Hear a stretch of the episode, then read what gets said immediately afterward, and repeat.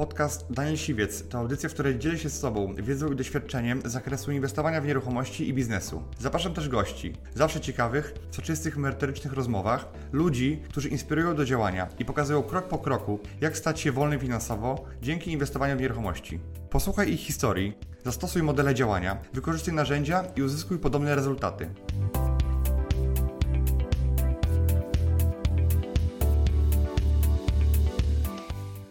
Temat dzisiejszego webinaru to jest inwestowanie pieniędzy i jak uciec przed inflacją, co, jak, jak się przed nią bronić, e, co ja robię i co ja, ja rekomenduję. E, I słuchajcie, teraz co, o czym dzisiaj będziemy mówili? Przede wszystkim mm, pokażę, w co warto inwestować, nadwyżki kapitału, jak, jak jakby, co da Ci dużą stopę zwrotu i bezpiecznie, e, dlaczego nie trzymać pieniędzy w banku, jakie są alternatywy i, dla, jakie są ryzyka w ogóle, o, którym, o czym się bardzo rzadko i mało mówi, e, jakie inwestycje są takie obarczone dużym ryzykiem i dlaczego nie warto akurat w nie inwestować i jak taki portfel majątkowy ułożyć, zdywersyfikować e, i jakby ile można na czym zarobić. Także pokażę Wam Cię moje strategie e, inwestowania. Ja kiedyś parę lat temu zrobiłem takie szkolenie, e, 4 lata temu bodajże, e, byłem w paru miastach w Polsce i pokazywałem moje strategie nowoczesnego inwestora i strategie e, inwestowania i powiem Wam, że one są e, odporne na pandemię, odporne na kryzys, bo to, co mówiłem wtedy, to, co mam pewne przemyślenia i, strategię, którą idę już od wielu lat, to się sprawdza i ta strategia jest jakby kryzysoodporna, że ona przeszła tą próbę i te moje decyzje i mój sposób blokowania kapitału był naprawdę bardzo e, e dobrze ułożony, zdywersyfikowany. Okej, okay. i jakby wiem, że część z Was jest, to, to, są osoby nowe, które doszły do mojego kanału niedawno, a też są osoby, które już są za mną dłuższy czas. Ja długo o sobie nie będę mówił, natomiast ja jestem w tym biznesie nieruchomości przede wszystkim, bo mam wiele biznesów, ale moim korowym biznesem jest biznes nieruchomości. To jest 90% mojego w ogóle biznesu i aktywności zawodowej. E, I ja swój pierwszy milion zarobiłem w wieku 26 lat po, po trzech latach w ogóle, kiedy od zera zaczynałem wchodzić w ten biznes, więc mi się to udało, e, znam tą ścieżkę, przeprowadziłem przez tą e, drogę wiele osób i e, są osoby, które nawet mm, po moich warsztatach dwa lata już zrobiły swój pierwszy milion, tylko naprawdę musiały ostro pracować i też zaczynały bez kapitału. I jestem autorem trzech książek o inwestowaniu w nieruchomości, to jest Nowoczesny Developer, Nowoczesny Inwestor i Flipy od zera, książka, która pokazuje po prostu jak te flipy od zera zacząć i mam na swoim koncie tam od 2009 roku już 250 flipów, e, które zrobiłem na własnym majątku. E, byłem w kilkuset transakcjach, uczestniczyłem, bo też prowadziłem 8 lat biuro nieruchomości. Mam 5 deweloperskich e, inwestycji za sobą, no i łącznie zbudowałem portfel prywatny 80 mieszkań na wynajem, który mam, który dzisiaj mam i wynajmuję. Także to jest jeden z moich głównych aktywów, które przez te 11 lat w biznesie sobie sobie wypracowałem. Co się dzieje na rynku, jak wygląda sytuacja, pokażę takich parę najważniejszych rzeczy. No i e, pewnie macie takie obawy, e, co ze stopami procentowymi, jak, jak to się wszystko e, zakończy i jest no, wiele różnych rzeczy, więc e, jedna z rzeczy to jest to, że bardzo istotnych wiadomości, no myślę, że już każdy wie, że stopy poszły do góry i one poszły dosyć drastycznie, bym powiedział, natomiast trzeba zwrócić uwagę, że tak naprawdę wyrównał się poziom sprzed koronakryzysu, bo e, Rada Polityki Pieniężnej obniżyła jakby w, w, chwili pandemii e, po to, żeby napędzić gospodarkę, bo był taki mały zastój, bo wszyscy byli zamykani w domach, obniżyło stopy procentowe po to, żeby e, fluktuacja pieniądza była dużo większa, żeby ludzie wydawali pieniądze, żeby dostęp do kapitału był dużo większy i, ten, i te, te prawie zerowe stopy procentowe przez 20, 2021 rok były takim trochę Eldorado i rajem do taniego kapitału. Natomiast no dzisiaj każdy mówi, jest jakie drogie raty, jakie wszystko drogie. Natomiast mało kto pamięta, że przez ostatnie 5-6 lat te raty kredytowe były e, praktycznie pod, na podobnym poziomie, co są dzisiaj. Dlatego ta, ta e, podwyżka nie wpłynęła tak mocno na rynek, e, nie, nie zadrżała tym rynkiem, a powiedziałem, że są, są kolejne stopy, są kolejne zwyżki szykowane i prawdopodobnie one będą miały miejsce i ja nie spodziewam się, że te zwyżki będą, że te 100% będą na poziomie 7, 8, 10 czy tam iluś procent. Myślę, że one w miarę łagodnie, y, żeby tą inflację zahamować. Natomiast trzeba pamiętać, że rynki wtedy istniały, nieruchomości, dzisiaj istnieją i e, ja nie spodziewam się żadnego kryzysu i załamania na tym rynku. Co najwyżej widzę taką sytuację, w której rynek się stabilizuje i te wzrosty, które były rok temu, to były, były duże wzrosty. Muszę przyznać, że te wzrosty były duże, ale o tym też będziemy mówili. Natomiast dzisiaj ja widzę, że ten czynnik w postaci stóp procentowych będzie miał wpływ na, na rynek, natomiast e, on spowolni co najwyżej wzrosty, bo e, sytuację, w której rynek nieruchomości rośnie, e, jakby czynników, które popychają rynek nieruchomości do tego, żeby on rósł, jest dużo i stopy były jednym z nich, natomiast to, co się wydarzyło i się być może jeszcze wydarzy, to to będzie pewne przyhamowanie tego wzrostu, natomiast ten wzrost jest nieunikniony. I dzisiaj, e, dzisiaj nie widzę bardzo sytuacji, w której ceny nieruchomości miałyby spadać, o czym wam jeszcze pokażę, więc patrzcie, że mamy dzisiaj stopę referencyjną 2,25, która nie jest wysoka, jest potencjał do tego, żeby, żeby one były wyższe, bo jeszcze dwa lata temu Rada Polityki Pieniężnej mówiła, że nie, nic nie podwyższymy, nie ma takiej możliwości. E, dzisiaj nawet w listopadzie mówili, że nie podwyższą, natomiast teraz podwyższyli. Teraz mówią, że podwyższą, ale ile i czy w ogóle, to tak naprawdę myślę, że oni sami mogą jeszcze e, tego nie wiedzieć, e, albo mają różne scenariusze, z którymi się z nami nie dzielą. Ja jestem przygotowany na, na taką ewentualność z tego względu, że ja nigdy nie biorę kredytu pod korek i też nie radziłem nikomu nigdy, żeby brał kredyt pod korek. E, tak naprawdę mm, ja mam dzisiaj bardzo mały kredyt, e, praktycznie w wysokości moich e, miesięcznych dochodów, także nie mam żadnych zobowiązań takich finansowych. Natomiast jeżeli ja radzę komuś z rodziny albo ze znajomych, żeby czy brać kredyt, to, to w tym momencie powiedziałbym, że tak. Natomiast oczywiście rób to nie za wszelką cenę i nie pod korek. Bo dzisiaj tak naprawdę Dzisiaj nie jest zły moment, bo dzisiaj e, marże banków są dużo niższe niż były jeszcze pół roku temu, ponieważ ba ta branża chce zrekompensować klientom w pewnym sensie te podwyżki stóp procentowych. Ok, przejdźmy dalej. Teraz zobaczmy, jak, jak wygląda inflacja. Inflacja widać, że jest długa, duża i galopująca. Już są już takie przecieki, że będzie ona powyżej 9%. E, nawet są, widziałem rankingi, jakby średnie, czy mediane e, takich. Mm, prognoz analityków, która mówi o tym, że średnio to, może być 9,3. Także ta, e, jeżeli chodzi o inflację, ta inflacja jest oczekiwana, że będzie rosła. Wszystko się na to wskazuje. Natomiast mamy pewne światełka w tunelu. nie mówię o tym, że program rządowy, że jest VAT zmniejszony na żywność i że e, są różne inne zabiegi, które będą tą inflację obniżały, bo ważna rzecz, której ja się dzisiaj dowiedziałem, jak robiłem research do, do tego webinaru, to, to jest to, że zmienił się koszyk e, inflacyjny. I teraz on się zmienił, e, inflacja się będzie liczyło od tego roku od nowa, natomiast kiedy my się o tym dowiemy, jak, jakie są te zmiany dopiero w marcu. Także e, grzebu przy tym koszyku, każdy, dla każdego ta inflacja jest, jest inna, natomiast ja bym bardzo nie, nie był tutaj zwolennikiem teorii spiskowej, że NBP jakoś w drastyczny sposób zaniża tą wartość po to, żeby po prostu lepiej to wyglądało politycznie bo, bo jakby aż tak dale, daleko nie, nie, nie, nie idę. Są oczywiście branże, gdzie ta inflacja była wyższa, albo wzrost cen był wyższy. E, branża nieruchomości jest taką branżą, gdzie ten wzrost był wyższy niż inflacja. I trzeba to, to, to przyznać. E, I teraz popatrzcie sobie też na inflację w Niemczech, y, która w pierwszy raz e, od, od dawna spadła, czyli mamy dzisiaj z poziomu 5 z hakiem na 4,9. Także dzisiaj mamy w styczniu e, ta inflacja wyhamowała i, i delikatnie spadła. E, więc jakby jest jakiś światełko w tunelu, że no, gospodarka, której jesteśmy praktycznie uzależnieni, e, ma, ma raz mniejszą inflację niż my, a dwa, że ta inflacja ma w pierwszym miesiącu ma, ma spadek, więc prawdopodobnie to też może u nas się niedługo zażyć. Ja, ja oczekuję, że ta inflacja oczywiście ona będzie, nie spadnie do zera, natomiast ona będzie powoli spadała.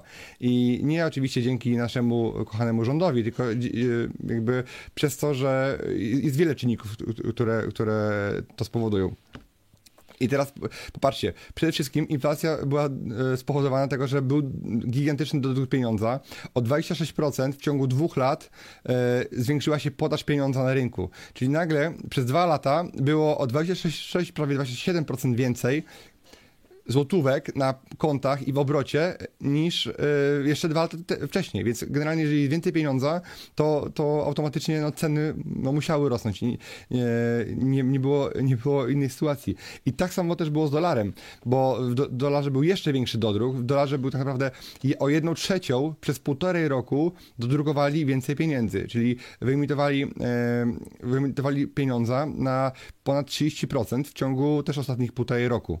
Więc jeżeli jest taki duży dodruk, jest, y, zasypywane są różnego rodzaju problemy, to jest tak jakby trochę naklejać sobie plaster na, y, na jakieś zmiany skórne czy na raka, tak naprawdę zamiast go wyciąć i zamiast go operować i zamiast robić coś y, z przyczyną, a nie ze skutkiem tak naprawdę, więc widziałem te takie doniesienia, że rządy już się trochę od tego odcinają, już próbują zmienić trochę tą politykę i jakby, czy banki centralne też coraz mniej drukują. Jak będzie dalej, zobaczymy. Dlatego jest, widać, że nasze pieniądze, nasze oszczędności z dnia na dzień tak naprawdę topnieją i tracą swoją siłę nabywczą.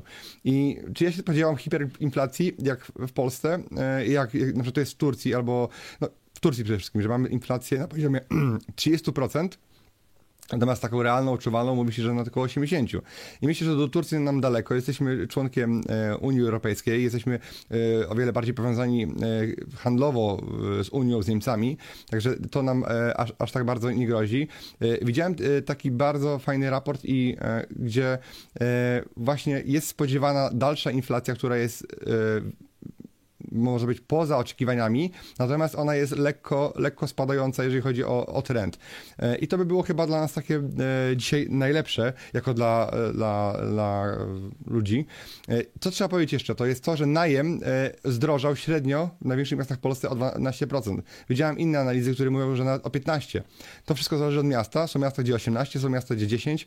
Natomiast widać, że jeżeli chodzi o indeks cen na rynku najmu, ten indeks tak naprawdę jest dzisiaj e, za e, odczytami e, z okresu przed pandemią, czyli można powiedzieć, że ceny wynajmu już dzisiaj są wyższe niż jeszcze przed pandemią, bo pamiętacie, był taki moment, w którym ludzie wracali z, z dużych miast do swoich rodzinnych stron, siedzieli tam, pracowali zdalnie, mieszkania, które mieli wynajęte w dużych miastach zwalniali i była taka trochę mała zapaść na rynku najmu i ciężko było mieszkanie wynająć. Wynajmowały się, natomiast był dużo większy deficyt najemców.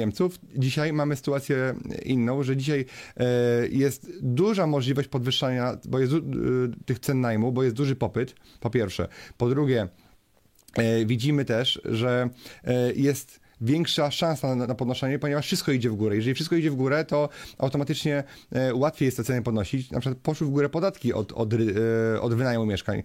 Z racji tego, że ci, co się rozliczali na zasadach ogólnych, to stracili taką możliwość. Stracili możliwość amortyzacji mieszkań, e, czyli wrzucenie sobie utraty wartości mieszkania, bądź jakby zużycia tego mieszkania w koszty, co też podatkowo wcześniej było wielką tarczą i nie trzeba było płacić podatku od wynajmu mieszkania. Dzisiaj trzeba płacić podatek taki, on jest na poziomie 8,5% do 12%, dlatego to też nie jest jakaś tragiczna zmiana, bo trzeba wziąć pod uwagę, że ok, podatki są wyższe niż były, nie są jakieś drastyczne, czyli 40% od wynajmu, ale też i mało osób korzystało z tej możliwości amortyzacji, bo nie było tego świadomym i też nie chcieli tego robić. Sam jakby mam duży przegląd rynku i znam wielu inwestorów, wielu e, wynajmujących, którzy e, świadomie bądź nieświadomie nie korzystali akurat z tych możliwości, które były, które się już teraz skończyły. Dlatego jest wiele czynników, jak wzrost e, no, opłat za ogrzewanie, na przykład wzrost prądu, e, opłaty za, za gaz. Ja sam wróciłem e, ze Stanów i pierwsze co zobaczyłem to faktura, gdzie sześciokrotnie, czyli o 600% wzrosło mi opłaty za gaz.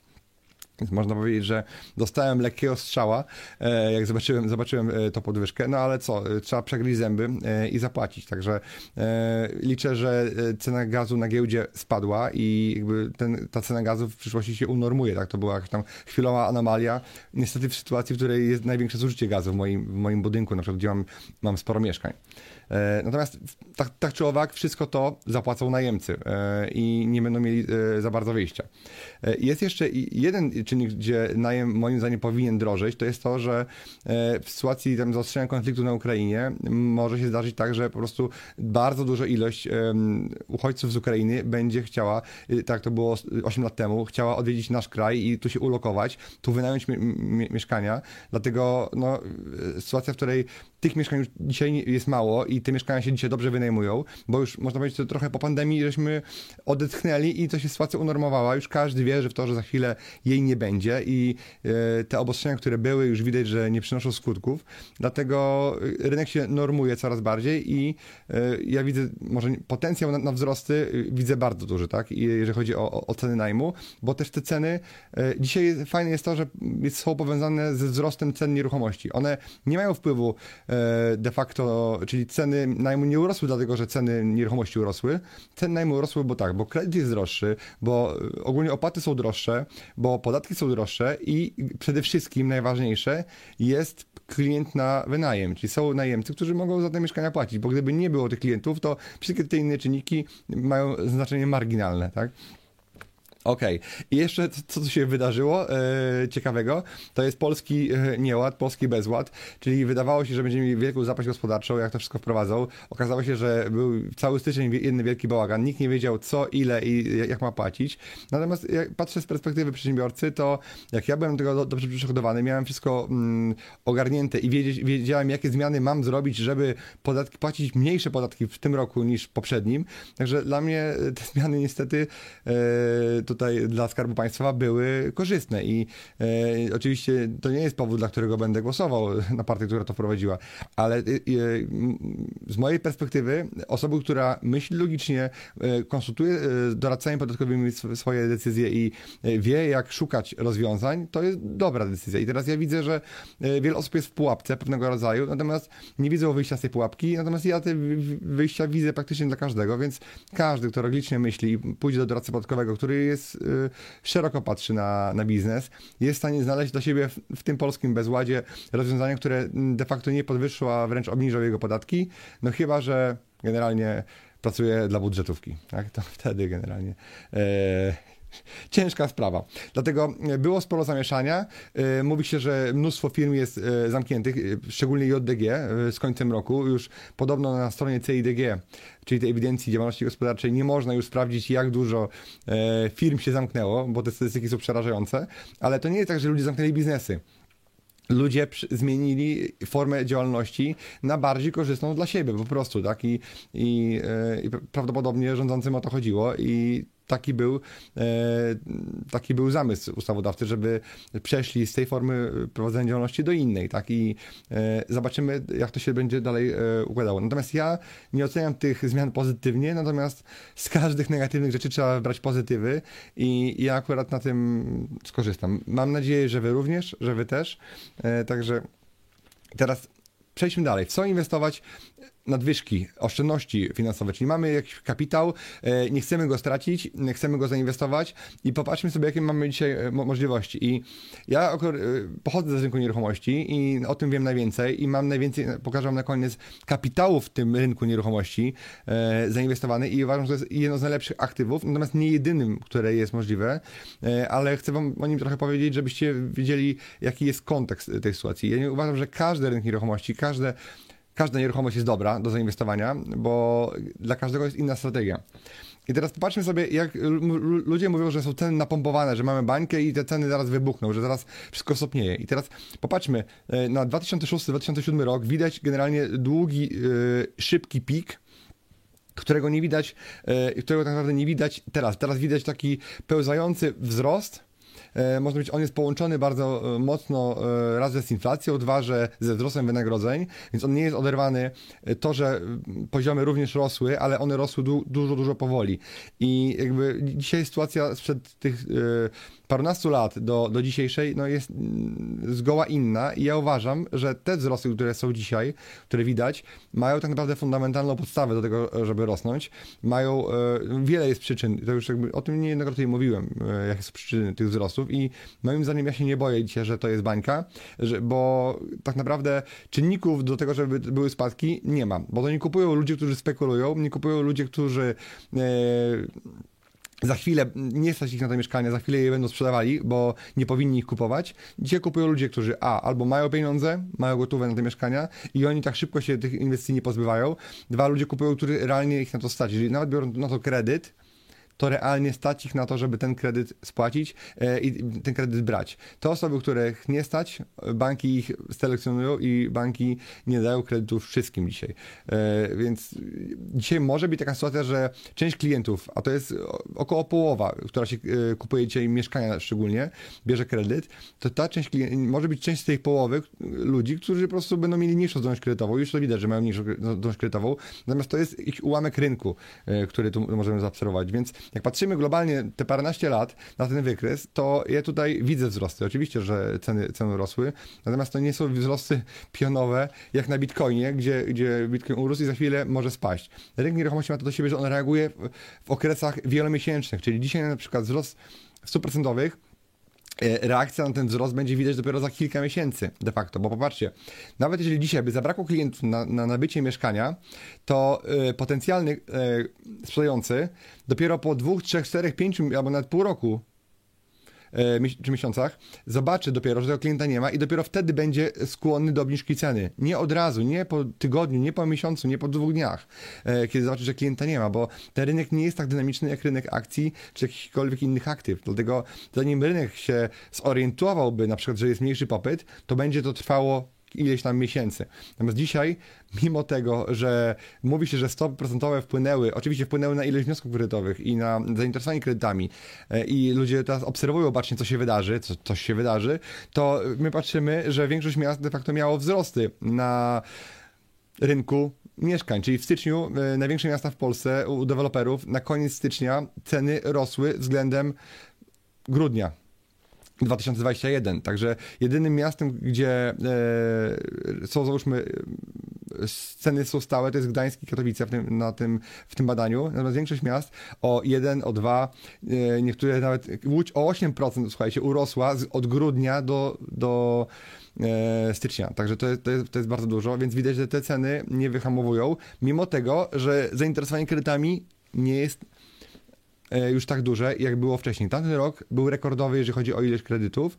E, dzisiaj ja się cieszę, że ta sytuacja się będzie no, normowała, bo najlepiej i najbezpieczniej zarabia się na rynku, który jest w miarę idzie do góry, e, zgodnie z inflacją, natomiast nie szaleje w jedną albo w drugą, ani nie jest stagnacja, bo łatwiej się te ceny oszacowuje, łatwiej się to wszystko stabilizuje, tak? Dzisiaj e, mieliśmy rynek w tamtym roku, który szedł mocno do góry i słuchajcie, wiele osób kupowało mieszkania tylko dlatego, że one. E, I teraz wiele osób spojrzy sobie na, na ile urosły ceny w 2021 roku i mówi tak. Urosło to rok temu i patrzy się w jedną stronę i mówi, będzie tak dobrze. I teraz, albo widziałem takich inwestorów, którzy mówili, jak urośnie, to kupię, tak? Ale jak już urośnie, to szczególnie na giełdzie, to już się nie kupuje. W nieruchomościach jest, jest trochę inaczej. E, I teraz, e, oczywiście, jeżeli jest górka, to nie, nie można kupować. Ja z kolei uważam, że to nie ma żadnych e, takich e, wielkich powodów, żeby uważać, że rynek nieruchomości, szczególnie mieszkań, rynek mieszkań jest napompowany. On jest drogi, ale pytanie, czy wszystko inne jest tanie. Bo jeżeli jedyne, co by rosło, to by były nieruchomości, a wszystko inne by ceny, by spadały, to popatrzcie sobie e, na rzeczy w sklepach, na, na ceny towarów, dóbr i usług. Zobaczcie, czy one de facto e, spadły, czy one stoją w miejscu. Nie, one tak samo się ruszają, tylko że jeżeli ktoś ma wydać na bułkę 50 groszy więcej, a na mieszkanie 150 tysięcy więcej, to tą różnicę odczuje i będzie o niej mówił i będzie się e, walił ścianą w mur i będzie go to bolało. Natomiast to, że za bułkę zapłaci 20% więcej, to już generalnie tego aż tak bardzo nie odczuje. To jest taka właśnie różnica e, poznawcza, jak się patrzy na, na, na rynek. Okej, okay. i teraz w jakie nieruchomości warto inwestować? Teraz ja uważam, że rynek nieruchomości dzieli się na, na, na, wiele, na wiele branż. No, możemy kupować lokale usługowe, lokale usługowe pod wynajem na przykład, tak? Możemy kupować grunty, e, możemy kupować mieszkania, e, czy mieszkania na wynajem, możemy kupować e, hale, magazyny, czy budować. I tutaj się skupimy może nie na biznesie opartym o nieruchomości, ale bardziej o tym, żeby kapitał, który mamy, ulokować bo jest różnica między tym, co ja robię, czyli ja tworzę biznes, ja buduję nieruchomości, ja dewelopuję, ja skupuję mieszkania, wyremontowuję, tworzę wartość i ja robię tam ten biznes, i, ale czym innym jest inwestowanie w postaci lokowania bardziej kapitału. I ja robię jedno i drugie. Ja przez pierwsze 10 lat biznesu, czy tam 9 lat biznesu, budowałem tylko biznes, po czym zacząłem go też lokować, czyli odkładać, można powiedzieć, te cegiełki na, na półkę i po to, żeby zabezpieczyć moją przyszłość, tak? Więc to jest lokowanie, czyli bezpieczne inwestowanie i tutaj akurat ten zysk, ten y, wzrost nie jest najważniejszy, ważniejsze jest bezpieczeństwo akurat. W przypadku biznesu to są, to są dużo większe zyski, ale też dużo większe zaangażowanie, dużo więcej trzeba robić. Dlatego będę tutaj bardziej mówił o lokowaniu pieniędzy, czyli jak je zaparkować bezpiecznie, tak żeby one były dobrze wydane. I teraz to, co ja yy, sugeruję, to w przypadku lokali usługowych, yy, to jest uważam, że niezła inwestycja, natomiast ma pewne, pewne wady, o których ja yy, już widziałem wielokrotnie po innych inwestorach, czyli można kupić naprawdę dobrą biedronkę, do, dobry lokal usługowy z żabką. Natomiast e, jest pewne ryzyko, o którym mało kto mówi, w postaci takiej, że jeżeli kupujemy na przykład lokal usługowy e, w centrum miasta, na przykład w jakiejś kamienicy z witryną, to może się okazać, że dzisiaj ten lokal jest świetny pod na przykład e, pod jakąś działalność. Natomiast rynek lokali i komercji się zmienia tak szybko, że kiedyś pamiętam u mnie w Lublinie na, na deptaku na Krakowskim Przedmieściu, jak ja byłem jeszcze 20 lat młodszy, to tam można było pójść, zrobić zakupy, kupić sobie ubrania. E, czyli w centrum miasta e, był handel, był żywy handel e, ubraniami. Później te ubrania, te sklepy zostały, przeniosły się wszystkie do galerii handlowych, które powstawały, jak żywy po deszczu, więc one przeszły w inne miejsce i w, w, teraz taki właściciel takiego pustego lokalu szukał kolejnego najemcy. I teraz wtedy do tych właśnie miejsc trafiły banki. E, I teraz yy, zauważcie, że parę dziesięć lat temu był taki trend, że było bardzo dużo banków w centrach miast. E, czyli banki pchały się do centrum i nie każdy lokal po sklepie odzieżowym nadawał się na bank oczywiście, tak? Natomiast część się nadawała, część nie. I teraz jak ktoś ma taki, ktoś ma taki lokal, to być może dzisiaj on jest super, pod danego najemcę, ale jutro będzie problemem. Na przykład ja często mówię, że ktoś wybuduje biedronkę na Zadopiu, to może się okazać, że ta biedronka będzie hulała przez długi okres czasu, ale jeżeli rynek handlu takiego spożywczego się zmieni, na przykład zmienimy model na jakiś brytyjski, jak Tesco, że mamy dowóz i te, te, te wizyty w sklepach nie będą już tak, takie częste, bo się zmieni w ogóle model funkcjonowania świata i e, zakupy będą same przyjeżdżały do lodówki i ludzie będą przewozili yy, albo wkładali do paczkomatów nasze zakupy, będziemy robili wszystko w aplikacji, to może się okazać, że, że ta buda mm, w małej miejscowości z blachy generalnie już nie jest potrzebna nikomu i jedyne co ktoś tam zrobi, to tam może wstawić albo coś, co, co innego będzie można na to wykorzystać. E, I tak samo często jest na przykład z, z lokalami biurowymi, że inwestorzy budowali 10 lat temu biura i załóżmy, że to były w jakimś, e, w danej modzie, która panowała, załóżmy, że to będzie, są open space'y, po czym moda się zmieniła, potrzeby najemców się zmieniły i dzisiaj to na przykład są innego rodzaju e, ustrukturyzowane lokale, czyli w innej formie, inne mają metraże, inne mają ściany i taki biurowiec ciężko nieraz przebudować pod nową funkcję i niektóre nawet 10-letnie wieżowce w Warszawie, biurowce w Warszawie, lepiej jest wyburzyć i postawić na przykład mieszkaniówkę, bo jest bardziej bardziej rentowne niż e, budowanie biurowców. Więc rynek komercyjny ma to do siebie, że dużo szybciej się zmieniają jego potrzeby najemców. A jak to jest w przypadku mieszkań? W przypadku mieszkań jest tak, że od setek tysięcy lat, kiedy w ogóle nasz gatunek żyje, to mamy te same niezmienne potrzeby, czyli chcemy tak naprawdę jeść, załatwiać się, spać, e, spędzać czas. I tak e, 300 lat temu w kamienicy był salon, były pokoje, sypialnie, była kuchnia, była łazienka. Tak samo teraz te potrzeby są identyczne i te kamienice, które mamy dzisiaj, one dalej spełniają funkcję użyteczną mieszkalną, natomiast lokale usługowe często mogą być po prostu nieprzerabialne na daną funkcję, bo jest problem z wysokościami, jest problem e, z wentylacją, albo przeróbka tego, tych lokali mm, jest bardzo, bardzo droga, dlatego ja e, jestem e, ostrożny, jeżeli chodzi o lokale usługowe, tak, czy o lokale biurowe. Tu też jest biznes, też jest duża rentowność, natomiast może być tak, że ktoś kupi coś, co dzisiaj chodzi, a jutro chodzić nie będzie. Natomiast mieszkanie, zawsze y, te potrzeby będą. Ja jestem zwolennikiem kupowania mieszkań, które są szybko rotujące, czyli takim nie y, dla bogatych, nie dla biednych, tylko takich średnich, ponieważ jak, jak kupujesz mieszkanie dla osoby średniej, to jak społeczeństwo zbiednieje, to, bo, to bogaci wpadną do, do kategorii średniej. Jeżeli społeczeństwo się wzbogaci, to ci biedni wskoczą do, kategorii średniej. Natomiast jeżeli byś kupił te skrajne, to może być tak, że w sytuacji, kiedy się coś potoczy nie tak, to możesz mieć problem z wynajmem. Więc ja szukam takich nieruchomości, które są zawsze będą e, miały na nie zawsze będzie potrzeba. I w przypadku działek, na przykład, y, ludzie mnie często pytają, czy warto inwestować w działki, czy warto inwestować w, w grunty. I ja bardzo często mówię, że tak, jeżeli się na tym znasz. Bo z gruntem to, to, nie jest tak z mieszkaniem, że masz 5 parametrów, 10 parametrów, tylko to jest parametrów kilkadziesiąt i wiele zależności, które nie każdy jest w stanie przeliczyć, yy, przeanalizować. I przy działkach jest wiele pułapek, na których mm, mało kto się zna. Czyli można kupić działkę, która nawet dzisiaj no, nie jest budowlana, ale nie mamy pewności, czy kiedykolwiek będzie. I ten wzrost tak naprawdę tej wartości, on mm, może być taki nie do końca, yy, nie do końca E, taki jakby inwestor chciał. Czyli może to nie być tak, że miasto pójdzie w kierunku e, twojej działki w rozwoju, a może pójść w totalnie innym kierunku i twoja działka wręcz z bycia atrakcyjną przy zakupie może przestać być atrakcyjną, bo na przykład wybudują tam drogę, autostradę, co wcale nie musi być plusem. I działki y, mają to do siebie jeszcze, że są dobrym, uważam, aktywem na przetrzymanie, tylko trzeba wiedzieć, umieć ją kupić. E, natomiast działki często nie dają pożytku. Jak masz działkę rolną, to ją sobie wydzierżawisz i dostaniesz e, pieniądze za dzierżawę, grosze bo grosze, ale, ale a przy mieszkaniu dostaniesz realną wartość. Często to jest parę procent wartości nieruchomości rocznie. To jest dużo więcej niż w przypadku e, dzierżawy. Więc jeżeli chodzi o nieruchomości, to ja bym rekomendował kupowanie lokali, które są płynne, pod warunkiem, że chcecie się tym zajmować i chcecie tym zarządzać, bo ta stopa zwrotu z wynajmu jest dobra, natomiast e, nie jest e, taka, jaką być może byście sobie oczekiwali, no bo inflacja dzisiaj e, wiemy jaka jest, tak? Więc są inne jeszcze możliwości.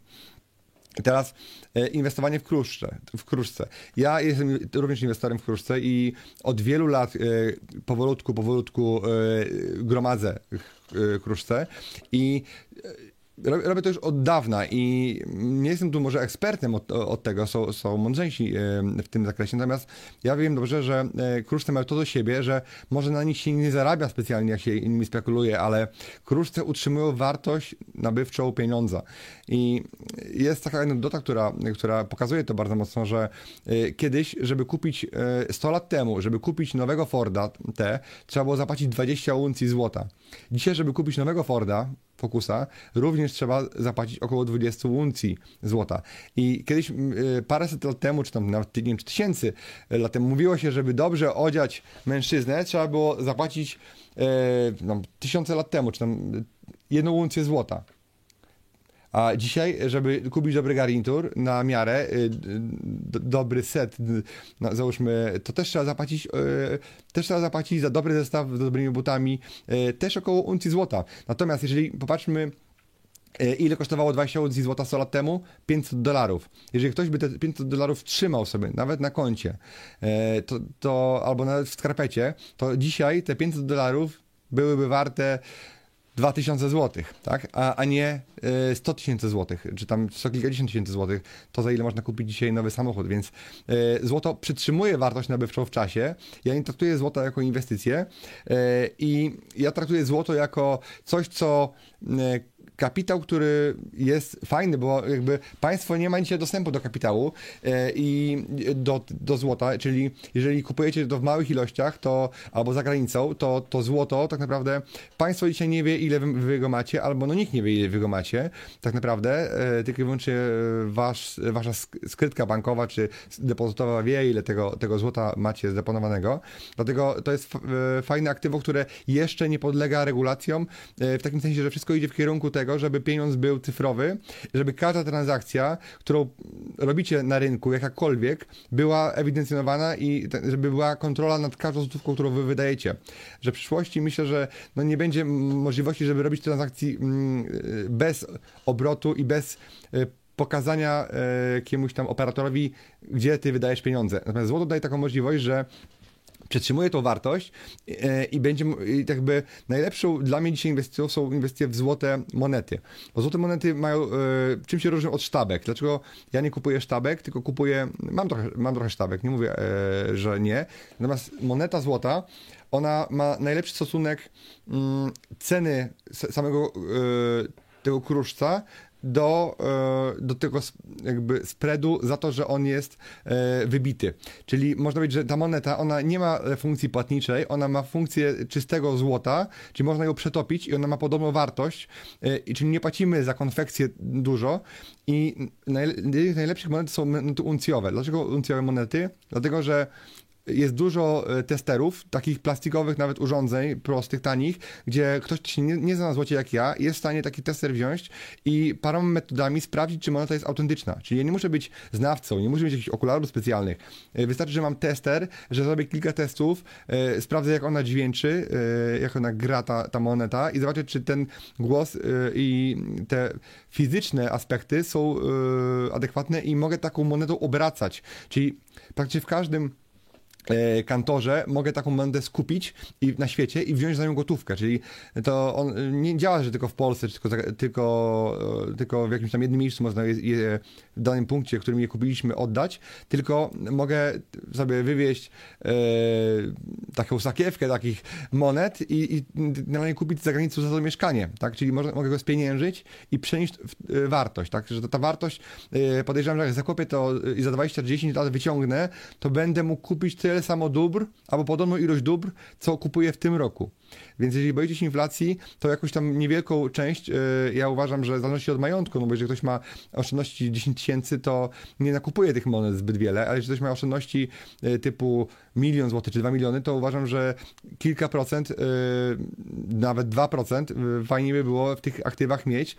Natomiast trzeba zadbać o to, żeby dobrze to zaplanować i dobrze, dobry depozyt robić. Ja kiedyś miałem w banku E, skrytkę, natomiast bank e, tą skrytkę zamknął e, i dzisiaj nie jest łatwo, żeby znaleźć dobrą, bezpieczną firmę, która takie złoto deponuje. Także trzeba o tym uważać i ja bym sugerował popularne monety typu Krugerrand, typu złoty liść klonowy, czyli te najbardziej popularne, bo one są najłatwiejsze do sprawdzenia, jeżeli chodzi o ich jakby autentyczność, bo to się liczy masa, wielkość i dźwięk też i bardzo łatwo można sprawdzić, czy ona jest autentyczna i ta, ta moneta ma wartość ty, tak naprawdę podobną, jak się ją przetopi, czyli nie kupujemy sobie pamiątki, numizmatu, czyli czegoś, co... E, co wiecie, co ma wartość taką jakby, taką jak ktoś jej nada, czy jakąś tam sentymentalną, czy kolekcjonerską, tylko to ma wartość kruszca. To ma wartość kruszca, czyli można to przytopić, można to wykorzystać w przemyśle, można to sprzedać, można coś z, z tym zrobić i złoto od tysięcy lat jest e, najbardziej trwałym aktywem, tak samo jak, jak nieruchomości e, i myślę, że mimo cyfryzacji dalej z nami zostanie tutaj. Okej. Okay. Kolejną, y, tu mam, widzimy y, wykres złota i pamiętam, że w pandemii, jak y, w marcu zaczęło się taki mini kryzys, że ludzie zaczęli zastanawiać się, co zrobić pieniędzmi, to złoto urosło i tu, tu jakby też widać taki pik. Natomiast dzisiaj złoto uważam, że nie jest drogie, że, nie, że jeszcze ma potencjał do tego, żeby rosło. Ja nie kupuję złota, żeby rosło. Ja kupuję, bo wiem, że ono w długim terminie 5-10 lat utrzyma wartość moich pieniędzy. E, natomiast na złoto nie jest sexy, jest trochę problem z jego przetrzymywaniem i nie można się obkupić złoto e, bo, bo, bo oczywiście mamy problem z jego przetrzymaniem, bo później e, całe ryzyko prze, przechowania tego złota bierzemy na firmę, która ją przetrzymuje, także a już nie mówię o tym, żeby przetrzymać to w domu, to w ogóle jest nie najlepszy pomysł. OK, i y, kolejnym pomysłem y, są diamenty, natomiast ja nie jestem do końca zwolennikiem diamentów. One mają taki plus, że są małe, można je sobie y, bardzo łatwo przewieźć przez granicę w jakiekolwiek inne miejsce. Natomiast ja uważam, że diamenty może mają potencjał do wzrostu i mają potencjał podobny do, do złota, natomiast złotem nie są.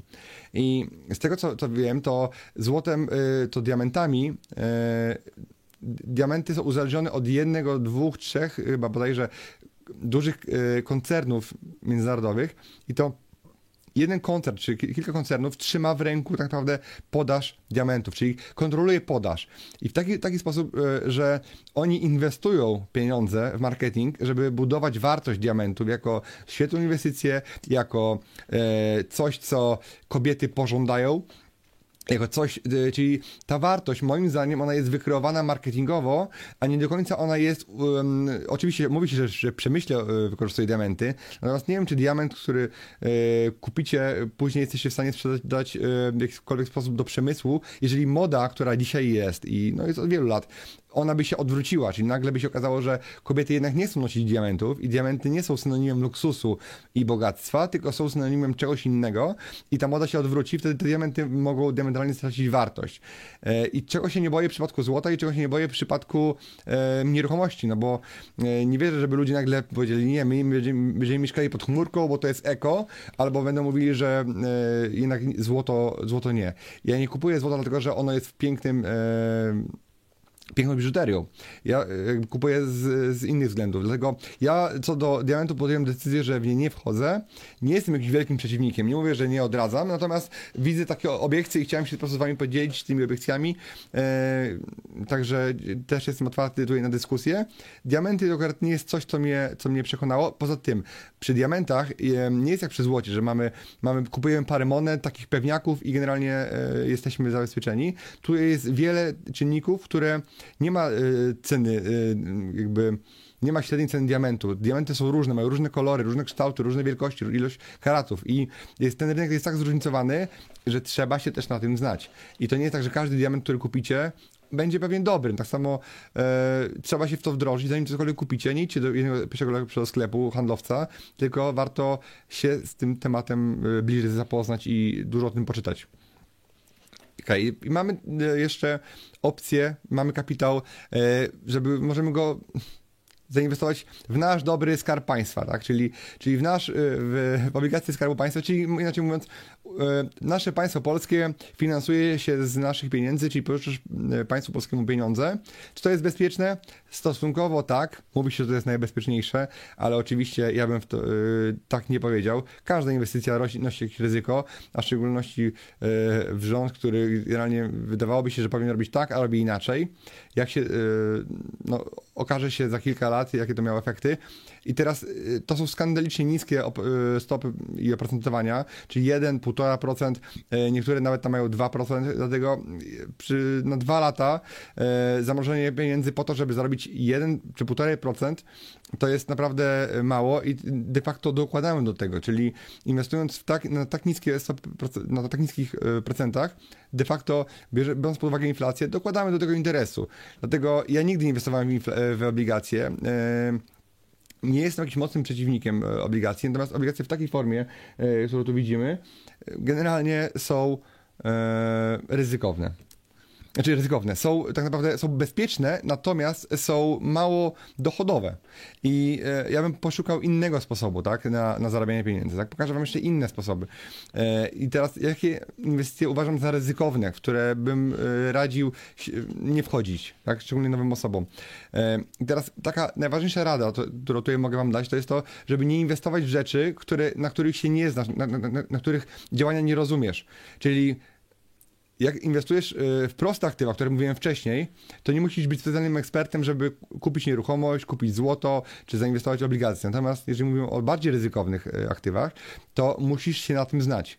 I ja e, nigdy nie inwestuję, ja jestem dosyć e, takim pragmatycznym gościem, ale też i osobą bardzo ostrożną, jeżeli chodzi o inwestowanie pieniędzy, czyli idę pomału, takimi e, lekkimi krokami, zanim dotknę czegoś nowego. Czyli lubię oczywiście agresywnie zarabiać pieniądze, ale na rynkach i na tematach, na których się znam, a nie inwestuję jak hazardzista. Czyli ja nie gram po to, żeby się pobawić, poczuć emocje, tylko ja zawsze gram w jednym celu. Moim celem nie jest gra i zabawa, jest po prostu tylko i wyłącznie zysk. I taki zysk, który jest pewny. Czyli albo zarabiam dużo, albo bardzo dużo. Jeżeli mam zarobić mało, albo nie zarobić, albo nawet zaryzykować stratę, totalnie odpuszczam e, ten biznes.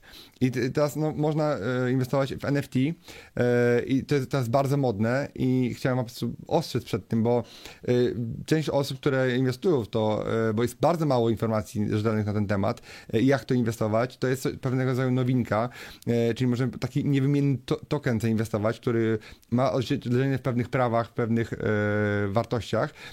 Możemy w to zainwestować, natomiast ja bym był bardzo sceptyczny. Uważam, że to jest przyszłość i warto się tym interesować, warto pogłębiać wiedzę na ten temat, natomiast to nie jest tak, że okay, każdy mówi, że jest hype teraz na NFT, to teraz inwestujemy w NFT i kupujemy co tylko się da, żeby tylko kupić i wejść w ten trend. Ja uważam, że ta technologia ma, ma wielką przyszłość i sam od dwóch lat, trzech lat się zastanawiam, jak ją wykorzystać w nieruchomościach i jak ją przekuć na bardzo realny, duży biznes. Natomiast odradziłbym wszystkim, którzy chcą ulokować gdzieś kasę, żeby pakowali ją w NFT. E, natomiast e, zainwestujcie czas, żeby zagłębić się, czym to jest i jakie to może dać Wam możliwości, że jeżeli będzie dobry moment na inwestowanie e, i rynek będzie już jakoś tam okiełznany, czy przez regulatora, czy przez, y, będzie już więcej wiedzy na ten temat, to będziecie mogli, y, to nie jest tak, że to jest jak Bitcoin, że o, mogę być inwestorem w Bitcoina, mówili mi w 2011 roku, żeby kupić Bitcoina, a dzisiaj już jest taki drogi, tak? Mogłem wtedy kupić, to teraz kupię NFT. Y, no, tak to nie działa. Pamiętajcie, że ja uważam, że lepiej nie zarobić pieniędzy, niż zaryzykować, że je stracisz, tak? No chyba, że inwestujesz jakieś pieniądze, które są na spalenie. Natomiast no, wiele osób inwestuje pieniądze jedyne, które ma, które ciężko pracowała i później nie stać ich na to, żeby je stracić i kryptowaluty. Ja długi, długi czas y, byłem może nie przeciwnikiem kryptowalut, ale byłem sceptyczny raczej i y, cały czas wychodzę z założenia, że inwestuję tylko w co się znam. Pamiętam, jak skończyłem e, szkołę średnią, miałem jakieś oszczędności i chciałem zacząć grać na, na, na giełdzie. I e, wszedłem na giełdzie chyba w 2006 roku, wsadziłem może 10 tysięcy złotych, co dla mnie było wtedy bardzo dużą kwotą i y, wszedłem de, de, facto, wiecie kiedy? Miesiąc przed, y, miesiąc przed kryzysem, wtedy kiedy wszystko runęło i to była dla mnie bardzo ważna i, i cenna lekcja, że nie miałem pojęcia o tym, jak to działa, nie miałem pojęcia o tym, jak to robić. Po prostu wszedłem, nie zastanawiałem się, po prostu wszedłem. I tak samo może być z kryptowalutami dzisiaj, że dla Was, że ja, jedyny powód, dla którego wszedłem w kryptowaluty, jest to, że poczułem pewne zagrożenie, w co ulokować pieniądze. Y, dwa lata temu, kiedy mieliśmy początek e, pandemii i postanowiłem zainwestować w krypto tyle, ile jestem w stanie po prostu stracić. Czyli taka strata, która jest akceptowalna, e, natomiast daje mi pewną dywersyfikację w majątku, e, dywersyfikację w kapitale, że w razie gdyby były problemy z systemem finansowym, na przykład ja jestem wtedy bezpieczny, jeżeli chodzi o różne źródła. I ty kolega, z którym to konsultowałem, powiedział mi zrób tak, zrób tak i ja wtedy kupiłem, kupiłem jakąś część w krypto i e, to była bardzo dobra decyzja, no bo kupiłem to akurat na dołku. Natomiast nie dlatego, że jestem taki mądry, tylko dlatego też, że w tamtym momencie miałem taką potrzebę e, i w tamtym momencie akurat był dołek. I uważam się za eksperta w dziedzinie kryptowalut. E, obserwuję ten rynek bardzo bacznie i monitoruję, jak to, to się dzieje. Jestem tutaj na, na, dużym plusie, natomiast nie liczy, ten rynek łowi frajerów, łowi leszczy, po prostu wymiata, wymiata i jeżeli ktoś nie ma twardych jaj i nie gra w ten sposób, że że wsadza kapitał i niezależnie co by się działo, on, on leży, to w pierwszej lepszym e, momencie, w którym coś urośnie, później spadnie, e, ludzie nie wytrzymują i po prostu są dawcami kapitału. I ja bym, jeżeli chcecie wejść w kryptowaluty, to jak najbardziej to tylko tyle, ile jesteście w stanie przepalić, stracić, wydać, a na pewno nie, nie inwestowałbym w kryptowaluty inne niż Bitcoin i Ethereum, bo wszystkie inne są obarczone szansą na wzrost większym, ale też dużo większym ryzykiem. Dlatego ja nie rekomenduję, rekomenduję żeby ten rynek obserwować, natomiast yy, nie patrzeć na niego, że najgorszy błąd to jest to, że skoro rośnie, to wchodzę. Nikt, e, ci najlepsi e, wchodzą tylko wtedy, kiedy spada, kiedy jest korekta, a nie wtedy, kiedy, kiedy, kiedy wchodzi. I teraz słuchajcie, i teraz e, czy, czy warto? Ja uważam, że warto się tym rynkiem interesować. Ja się nim interesuję. Póki co nie, mam ekspozycję, która na razie nie wychodzę z krypto i teraz niezależnie od tego, co by się z nimi działo, moim prywatnym portfelem, to tak naprawdę nie ma to wpływu na mój cały asset, mój cały biznes, mój cały mają majątek, ponieważ traktuję to jako szansę, natomiast nie obciąży to, w razie gdyby wszystko runęło, to, to nie obciąży to, to totalnie moich inwestycji, moich biznesów i tak do tego uważam mm, zdrowo, rozsądkowo trzeba podejść. E, I widzimy, tak, że y, y, jak patrzymy w długim terminie, tych kilku lat, to de facto ci, co dzisiaj kupili, mimo tego, że są spadki duże, praktycznie spadło, e, Bitcoin spadł e, no, prawie o połowę, to, to, to mimo tego są na dużym plusie. Także pra prawdopodobnie, moim zdaniem, tak, to jest moja opinia, słuchajcie, nie traktujcie tego jako w ogóle to, czego mówię, jako porady inwestycyjne, w szczególności tych tematów dotyczących kryptowalut i tych ryzykownych rzeczy, bo to jest jakaś tam moja opinia no, ja jestem, bardziej bym obstawał to, że ten rynek w długim okresie kilku lat no, będzie rósł niż, niż, niż, będzie, niż będzie jakieś wielkie, wielkie załamanie. On jest dosyć wrażliwy, dosyć delikatny, dosyć um, zmienny. Ja wolę rynki jednak stabilne, tradycyjne, na które to ja wpływam, to ja buduję wartość i jestem ich fundamentalnie bardzo mocno pewny, tak? Wiem, że dużo inwestorów w kryptowaluty, którzy już zarobili z różnych powodów pieniądze, właśnie to na bezpieczny rynek przerzuca środki nieruchomościowe, także, tak, także wiem. Giełda. Ja mam swoją historię o giełdzie, mówiłem i jakby miałem takie doświadczenia. Oczywiście trochę się zraziłem do giełdy. Nie mówię, że giełda jest zła, tylko to samo, co wcześniej większość ludzi, y, którzy z małym kapitałem wchodzą na giełdę, na tej giełdzie traci. I ja bym y, nie teraz na przykład nie, nie chciałbym się uczyć giełdy, mimo tego, że widzę tam potencjał. Są ludzie, którzy zarabiają, natomiast giełda jest często niezależna od nas, czyli inwestujemy w spółki, na które nie mamy wpływu, tak? Czyli nie mamy wpływu na prezesa, nie mamy wpływu na zarząd, nie mamy wpływu na rynek. Ja wolę mieć wpływ, bo w nieruchomościach akurat mam wpływ na to, co się dzieje i one może nie dają takich spektakularnych wzrostów czasami, jednostkowych, ale dają pewną pewność i bezpieczeństwo. To są cegły, to są mury, to jest coś, co ma pewną wartość yy, materialną, namacalną. Dlatego ja tak lubię nieruchomości.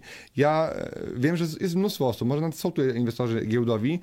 Ja z kolei uważam, że jeżeli nie robisz tego na full time, nie jesteś tym dobry, to tak naprawdę giełda nie da ci po prostu tego, co, co, co da, dają ci inne bezpieczne możliwości, o których mówiłem wcześniej.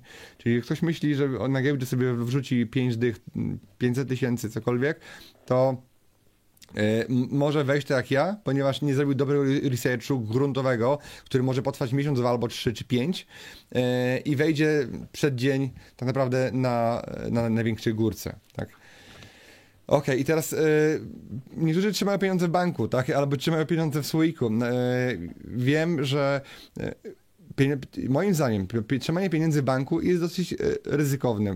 Mówi się pewne jak w banku, natomiast bankierzy to nie są mili, e, mili ludzie, którzy, którym zależy na tobie i twoim, twoich pieniądzach. Naprawdę to są duże korporacje, wielkie korporacje, którym zależy tak naprawdę na sobie. I ja mam wrażenie, że kiedyś miałem większy szacunek do branży w sektorze bankowym. Dzisiaj e, widzę, bo jestem klientem wielu banków, że są banki, które są bardziej prokonsumenckie, a są banki, które które tak naprawdę mają cię w dupie. I e, do tego stopnia, że e, grozili mi wielokrotnie jeden z banków e, zamykaniem, zamknięciem konta, jeżeli nie przyjadę na, na szybko do oddziału i nie podpiszę im deklaracji jakichś że nie jestem terrorystą, czy nie jestem jakimś tam, pieniądze nie pochodzą z zagranicy i tak dalej, mimo, te, mimo tego, że podpisywałem takie coś rok temu, dwa lata temu i tak dalej. Także, a znam sytuację, w której ktoś nie podpisał tej deklaracji i w dniu transakcji zamknęli mu, zam, zamrozili mu konto e, w banku. Także e, to są takie, takie działania, które kiedyś wydawało mi się, że są nierealne do, do zrobienia. Natomiast mówi się, że w banku jest bezpiecznie, a czy jest naprawdę? No, są sytuacje, w której banki mają problemy, a były tak y, jeszcze jakiś czas temu Skok zbankrutował, bank podkarpacki ma, miał duże problemy i jest w restrukturyzacji.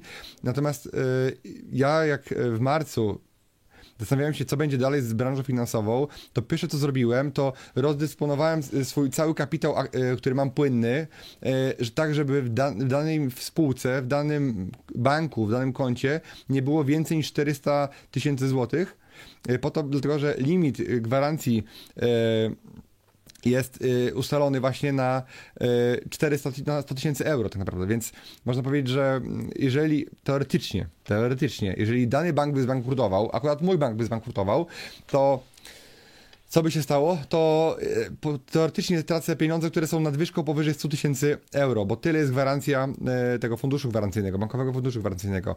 Natomiast musimy wiedzieć taką jedną rzecz, że mamy depozytów 700, e, znaczy fundusz, gwaranto, e, gwaranto, fundusz gwarancyjny dysponuje de, takim depozytem 700 miliardów złotych z czego na same skoki ma tylko 27 milionów. No co to jest 27 milionów? To jest, to jest tak naprawdę jeden skok. E, no, w każdym razie, czy to jest dużo? 17 miliardów? Nie. Bo, jeżeli, bo w samych depozytach w polskich bankach dzisiaj wyczytałem, że to jest miliard, e, bilion złotych to jest bilion złotych, to znaczy, y, że tak praktycznie mówiąc, to jeżeli jeden najmniejszy bank by upadł, to wszystkie y, pieniądze poszłyby na pokrycie jego depozytów, a na, na drugi bank, trzeci bank już by tych pieniędzy nie było. Oczywiście no, e, państwo myślę, że zrobiłoby wszystko, żeby ten bank ratować, natomiast ja bym, jeżeli byłyby naprawdę duże problemy z jakimkolwiek bankiem, to de facto e, nie liczyłbym na ten fundusz gwarancyjny i te pieniądze trzymane w bankach musimy traktować, że są pieniądze trzymane tak jak w każdej innej firmie. I oczywiście, że system by stracił, byśmy stracili zaufanie do, do systemu bankowego, ale patrzcie, co było na Cyprze. Na Cyprze jeszcze niedawno, czyli praktycznie 9 lat temu, e, była konfiskata majątków, na co się Unia Europejska zgodziła, wyraziła zgodę, żeby w Banku Cypryjskim, jeżeli ktoś ma oszczędności powyżej 100 tysięcy euro, e, jakaś część tego kapitału odpłynęła i zasiliła rezerwy banku. E, także, także była sytuacja, w której w białych rękawiczkach rząd cypryjski za zgodą Unii Europejskiej okradł właścicieli depozytów, nie tylko Cypryjczyków, ale też i ludzi z całego świata, którzy mieli, trzymali tam pieniądze z nadwyżek finansowych.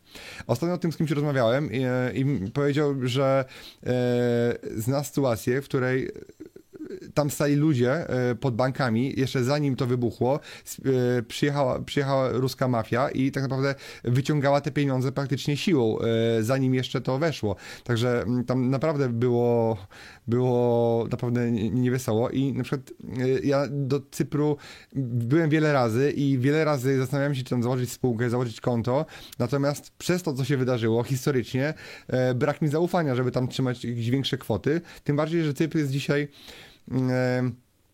Cypr jest dzisiaj tak naprawdę trochę w stanie wojny, czyli e, jest, e, jest w konflikcie z częścią turecką, czyli ta grecka część jest w konflikcie z częścią turecką jest normalnie granica państwa i są niebezpieczne strefy wojskowe, dlatego mm, ten kraj, e, mimo tego, że byłem wiele razy, oglądałem nieruchomości wiele razy, podchodziłem do inwestowania, składałem oferty, natomiast jeszcze nic nie kupiłem na Cyprze i jestem, e, obserwuję, na razie obserwuję, natomiast to nie byłby kraj, który bym, to nie jest Szwajcaria, na którą postawił, można powiedzieć, e, w tej sytuacji, o, o której wiem, więc patrzcie, banki w białych rękawiczkach zabrały pieniądze ludziom i nie mówię, że tak będzie w naszym przypadku, tylko chcę wam pokazać pewien kontekst, że nasze pieniądze oczywiście są chronione, ale to może być też pewnego rodzaju e, ochrona e, z papieru.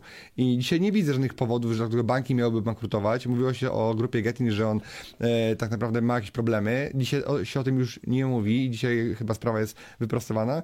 Natomiast trzeba wiedzieć, że to nie jest tak, że mamy pieniądze.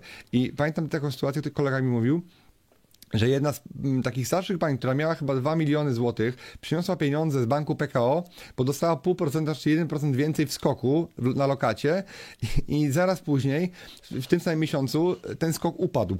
Czyli można powiedzieć, że nie, że straciła wszystkie pieniądze, to miała chyba 2 miliony, a nawet nie miała gwarancji jeszcze, wtedy jeszcze gwarancji tego funduszu gwarancyjnego, więc można powiedzieć, że E, ja bym wybierał, jeżeli już na największe banki, czyli banki, które mają największe depozyty, a takie największe to są właśnie banki PKO, właśnie to jest ING. E, trzeba patrzeć po prostu rankingi depozytów i zobaczyć, które banki mają największe depozyty, bo szansa, że one się wyłożą jest moim zdaniem najmniejsza, ale to tak jakby na, na marginesie. I popatrzcie sobie depozyty, e, jakie mamy i teraz popatrzcie sobie depozyty, jak rosły w, w czasie 20 roku i 21, czyli spadała liczba lokat, E, depozyty terminowe spadały, natomiast rosła liczba pieniędzy, które były realnie na kontach e, gospodarstw. Tak samo to było z firmami, czyli spadały jakieś lokaty, których nie było za dużo, natomiast rosła gotówka e, I widać, I widać to diametralnie. I teraz to jest wykres, który stworzyliśmy, żeby pokazać wam, ile jest w depozytach, a pieniędzy, a ile jest e, pieniędzy w funduszu gwarancyjnym. To jest po prostu ułamek. Jak sobie zobaczymy w raport, ja dzisiaj szukałem w tym raporcie, to jest niecałe 2% pokrycia e, w depozytach, więc można powiedzieć, że jeden mały bank leci i już generalnie nie jest za wesoło, więc jak ktoś wam mówi, że ta gwarancja, to się zastanówcie, czy na pewno jest. Oczywiście jak mamy mało kasy, to mam mało problemów, ale jeżeli ktoś ma milion, dwa, dziesięć milionów, to, to, to, to, uważam, że y, lepiej trzymać to albo w jednym dużym banku, albo, albo przynajmniej w kilku, y, żeby to rozłożyć. E, tak. Dzisiaj mamy czasy dobre, ale ja pamiętam, że dwa lata temu y, to nie było takie wcale nieoczywiste, żeby, żeby, żeby tę gotówkę e, rozkładać. I teraz, y, jakie są y, oprocentowania w tym momencie? Na co możemy liczyć, jak chcemy płacić pieniądze do banku? I teraz to jest najnowszy taki ranking e, lokat i tak naprawdę, jeżeli chcemy płacić większą kwotę, to tak naprawdę najwięcej możemy wziąć 2,3% w przypadku banku BOŚ, e, dostać 2,3% w skali e, z lokatu na 12 miesięcy, bo wszystkie inne często, wiecie, kuszą was trzema procentami, o czterema ktoś mu daje, ale y, tak naprawdę jemu chodzi o to, żebyś ty przyszedł i podpisał umowę na prowadzenie rachunku na kartę i żebyś był już jego klientem, że mógł ci sprzedawać inne usługi i żebyś płacił 10 tysięcy i od tego 10 tysięcy zapłacić 3-4%, de facto 1% więcej niż gdzie indziej, a to jest koszt tak naprawdę pozyskania klienta dla niego.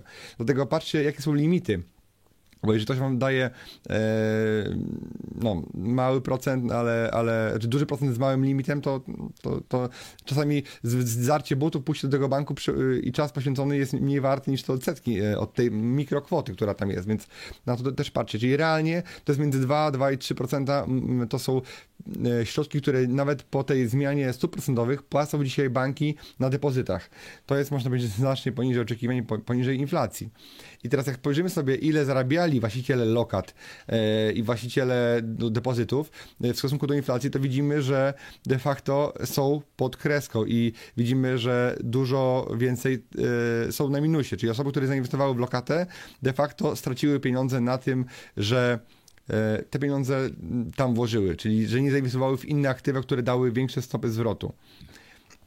Muszę powiedzieć tak, że ja E, mam majątek porozdzielany e, i dla każdego ten przepis jest trochę inny, bo jeżeli ktoś ma dzisiaj 20 tysięcy złotych, to nie ma zbyt wiele możliwości, żeby sobie, wiecie, tutaj odkładać na różne kubki. Pierwsza taka zasadnicza zasada to jest po prostu znaj swoje liczby i znaj swój majątek. Ja zawsze sobie e, co kwartał robię takie zestawienie, ile jest warty mój majątek netto, to znaczy, mam y, sumę wszystkich moich y, aktywów, czyli nieruchomości, majątku, takiego, który jest płynny, bo nie liczę firmy, która ma wycenę y, 10 milionów papierową, na, natomiast jakby jak nie ma tam twardych aktywów, tylko jest firma o, o wycenie, to ja tego nie liczę. Liczę twarde majątek, czyli nieruchomości typu samochody, typu coś, co jest dzisiaj do sprzedania. Jeżeli w ciągu dwóch tygodni chciałbym to sprzedać, to bym to sprzedał po danej kwocie, czyli środki na koncie, typu jakieś rzeczy, które są warte tu i teraz, a nie są marzeniami. To są po jednej stronie, po drugiej stronie biorę zobowiązania, czyli jeżeli mam jakieś zobowiązania, na przykład jakiś leasing, jakieś inne rzeczy, e, czy jakiś kredyt i to ze sobą zestawiam, czyli odejmuję od moich aktywów moje zobowiązania i wtedy wychodzi mi, jaki de facto jest, ile jest warty mój majątek netto. I teraz według tego majątku powinniśmy mieć taką strukturę zainwestowania w różne projekty, żeby dywersyfikować to ryzyko żeby nie stawiać na jedną kartę wszystkiego, tylko żeby mieć w różnych mm, tych kieszonkach, w innych e, takich e, koszykach, różnych jajkach, jajka w różnych koszykach, żeby nie było, że wszystko jest w jednym, jest wszystko w jednym miejscu. Jeżeli ktoś ma 10-20 tysięcy, to powiem szczerze, że m, mm, dzisiaj najlepszą inwestycją dla niego będzie inwestycja w siebie, czyli kupowanie książek, poświęcenie czasu, oglądanie właśnie YouTube'a, oglądanie e, różnych twórców, czytanie książek, które zmienią twój mindset, rozwiną ciebie, to jest najlepsza inwestycja, którą możesz zrobić. Pójść na szkolenie albo kupienie wiedzy i wejść na przykład we flipy totalnie od zera, to jest uważam, że coś, co, co mogłoby być najlepszym startem, jak ktoś ma mały bardzo kapitał. Ale jeżeli ktoś ma większy kapitał, typu 200 tysięcy, 300 tysięcy i na przykład nie chciałby się bawić we flipy, e, nie chciałby tego robić, bo nie ma to czasu, bo ma inny biznes, ma inną pracę, którego realizuje i chciałby bardziej to ulokować, to tutaj e, te, też bym radził, żeby jednak to trochę miał, e, żeby miał gotówkę, przynajmniej 20% kwoty, 15% w tej gotówce, nie w jednej walucie, nie tylko w złotówkach, która jest szansa, że, że osłabnie, tylko mieć różnych innych walutach typu dolar, typu frank, typu, typu na przykład fund brytyjski, więc mieć trochę jeszcze parę złotych e, w tych, w tych walutach. Natomiast ja uważam, że najwięcej powinno się mieć właśnie w nieruchomościach albo w różnych projektach, e, które są oparte o nieruchomości, bo one dzisiaj są jedne z bezpieczniejszych aktywów, które, które można inwestować większą kwotę i te stopy złoto są dzisiaj e, najbardziej sensowne.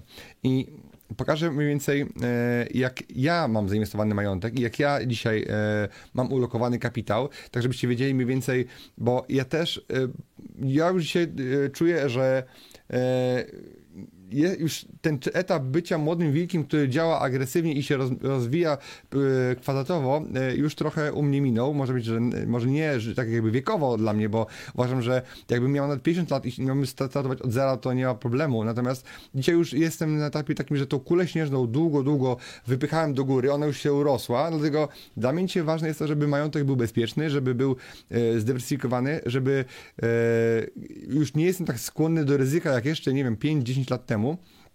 Natomiast dzisiaj patrzę tak trochę bardziej e, bezpieczniej. To jest jakby bardziej moja strategia. I e, dzisiaj e, popatrzcie, że ja mam dzisiaj około 15% mojego majątku w projektach deweloperskich, czyli w, w moich inwestycjach deweloperskich, które realizuję. Oko, nawet poniżej 1% mam w kryptowalutach, czyli to nie jest dużo. E, nieruchomości w obrocie, czyli w skupie mam około 10%, czyli to jest coś, czym obracam poza funduszem Civis Capital. E, mam e, nieruchomości na wynajem, to jest około 62%, 10%, gotówka i należności, czyli jakby kapitał taki e, obrotowy, e, przede wszystkim gotówka, czyli środki płatnicze, środki, środki pieniężne. Złoto i kruszce to jest poniżej 2%, czyli to też nie jest, nie jest za wiele, więc ja mam e, taką, taki swój portfel uszyty.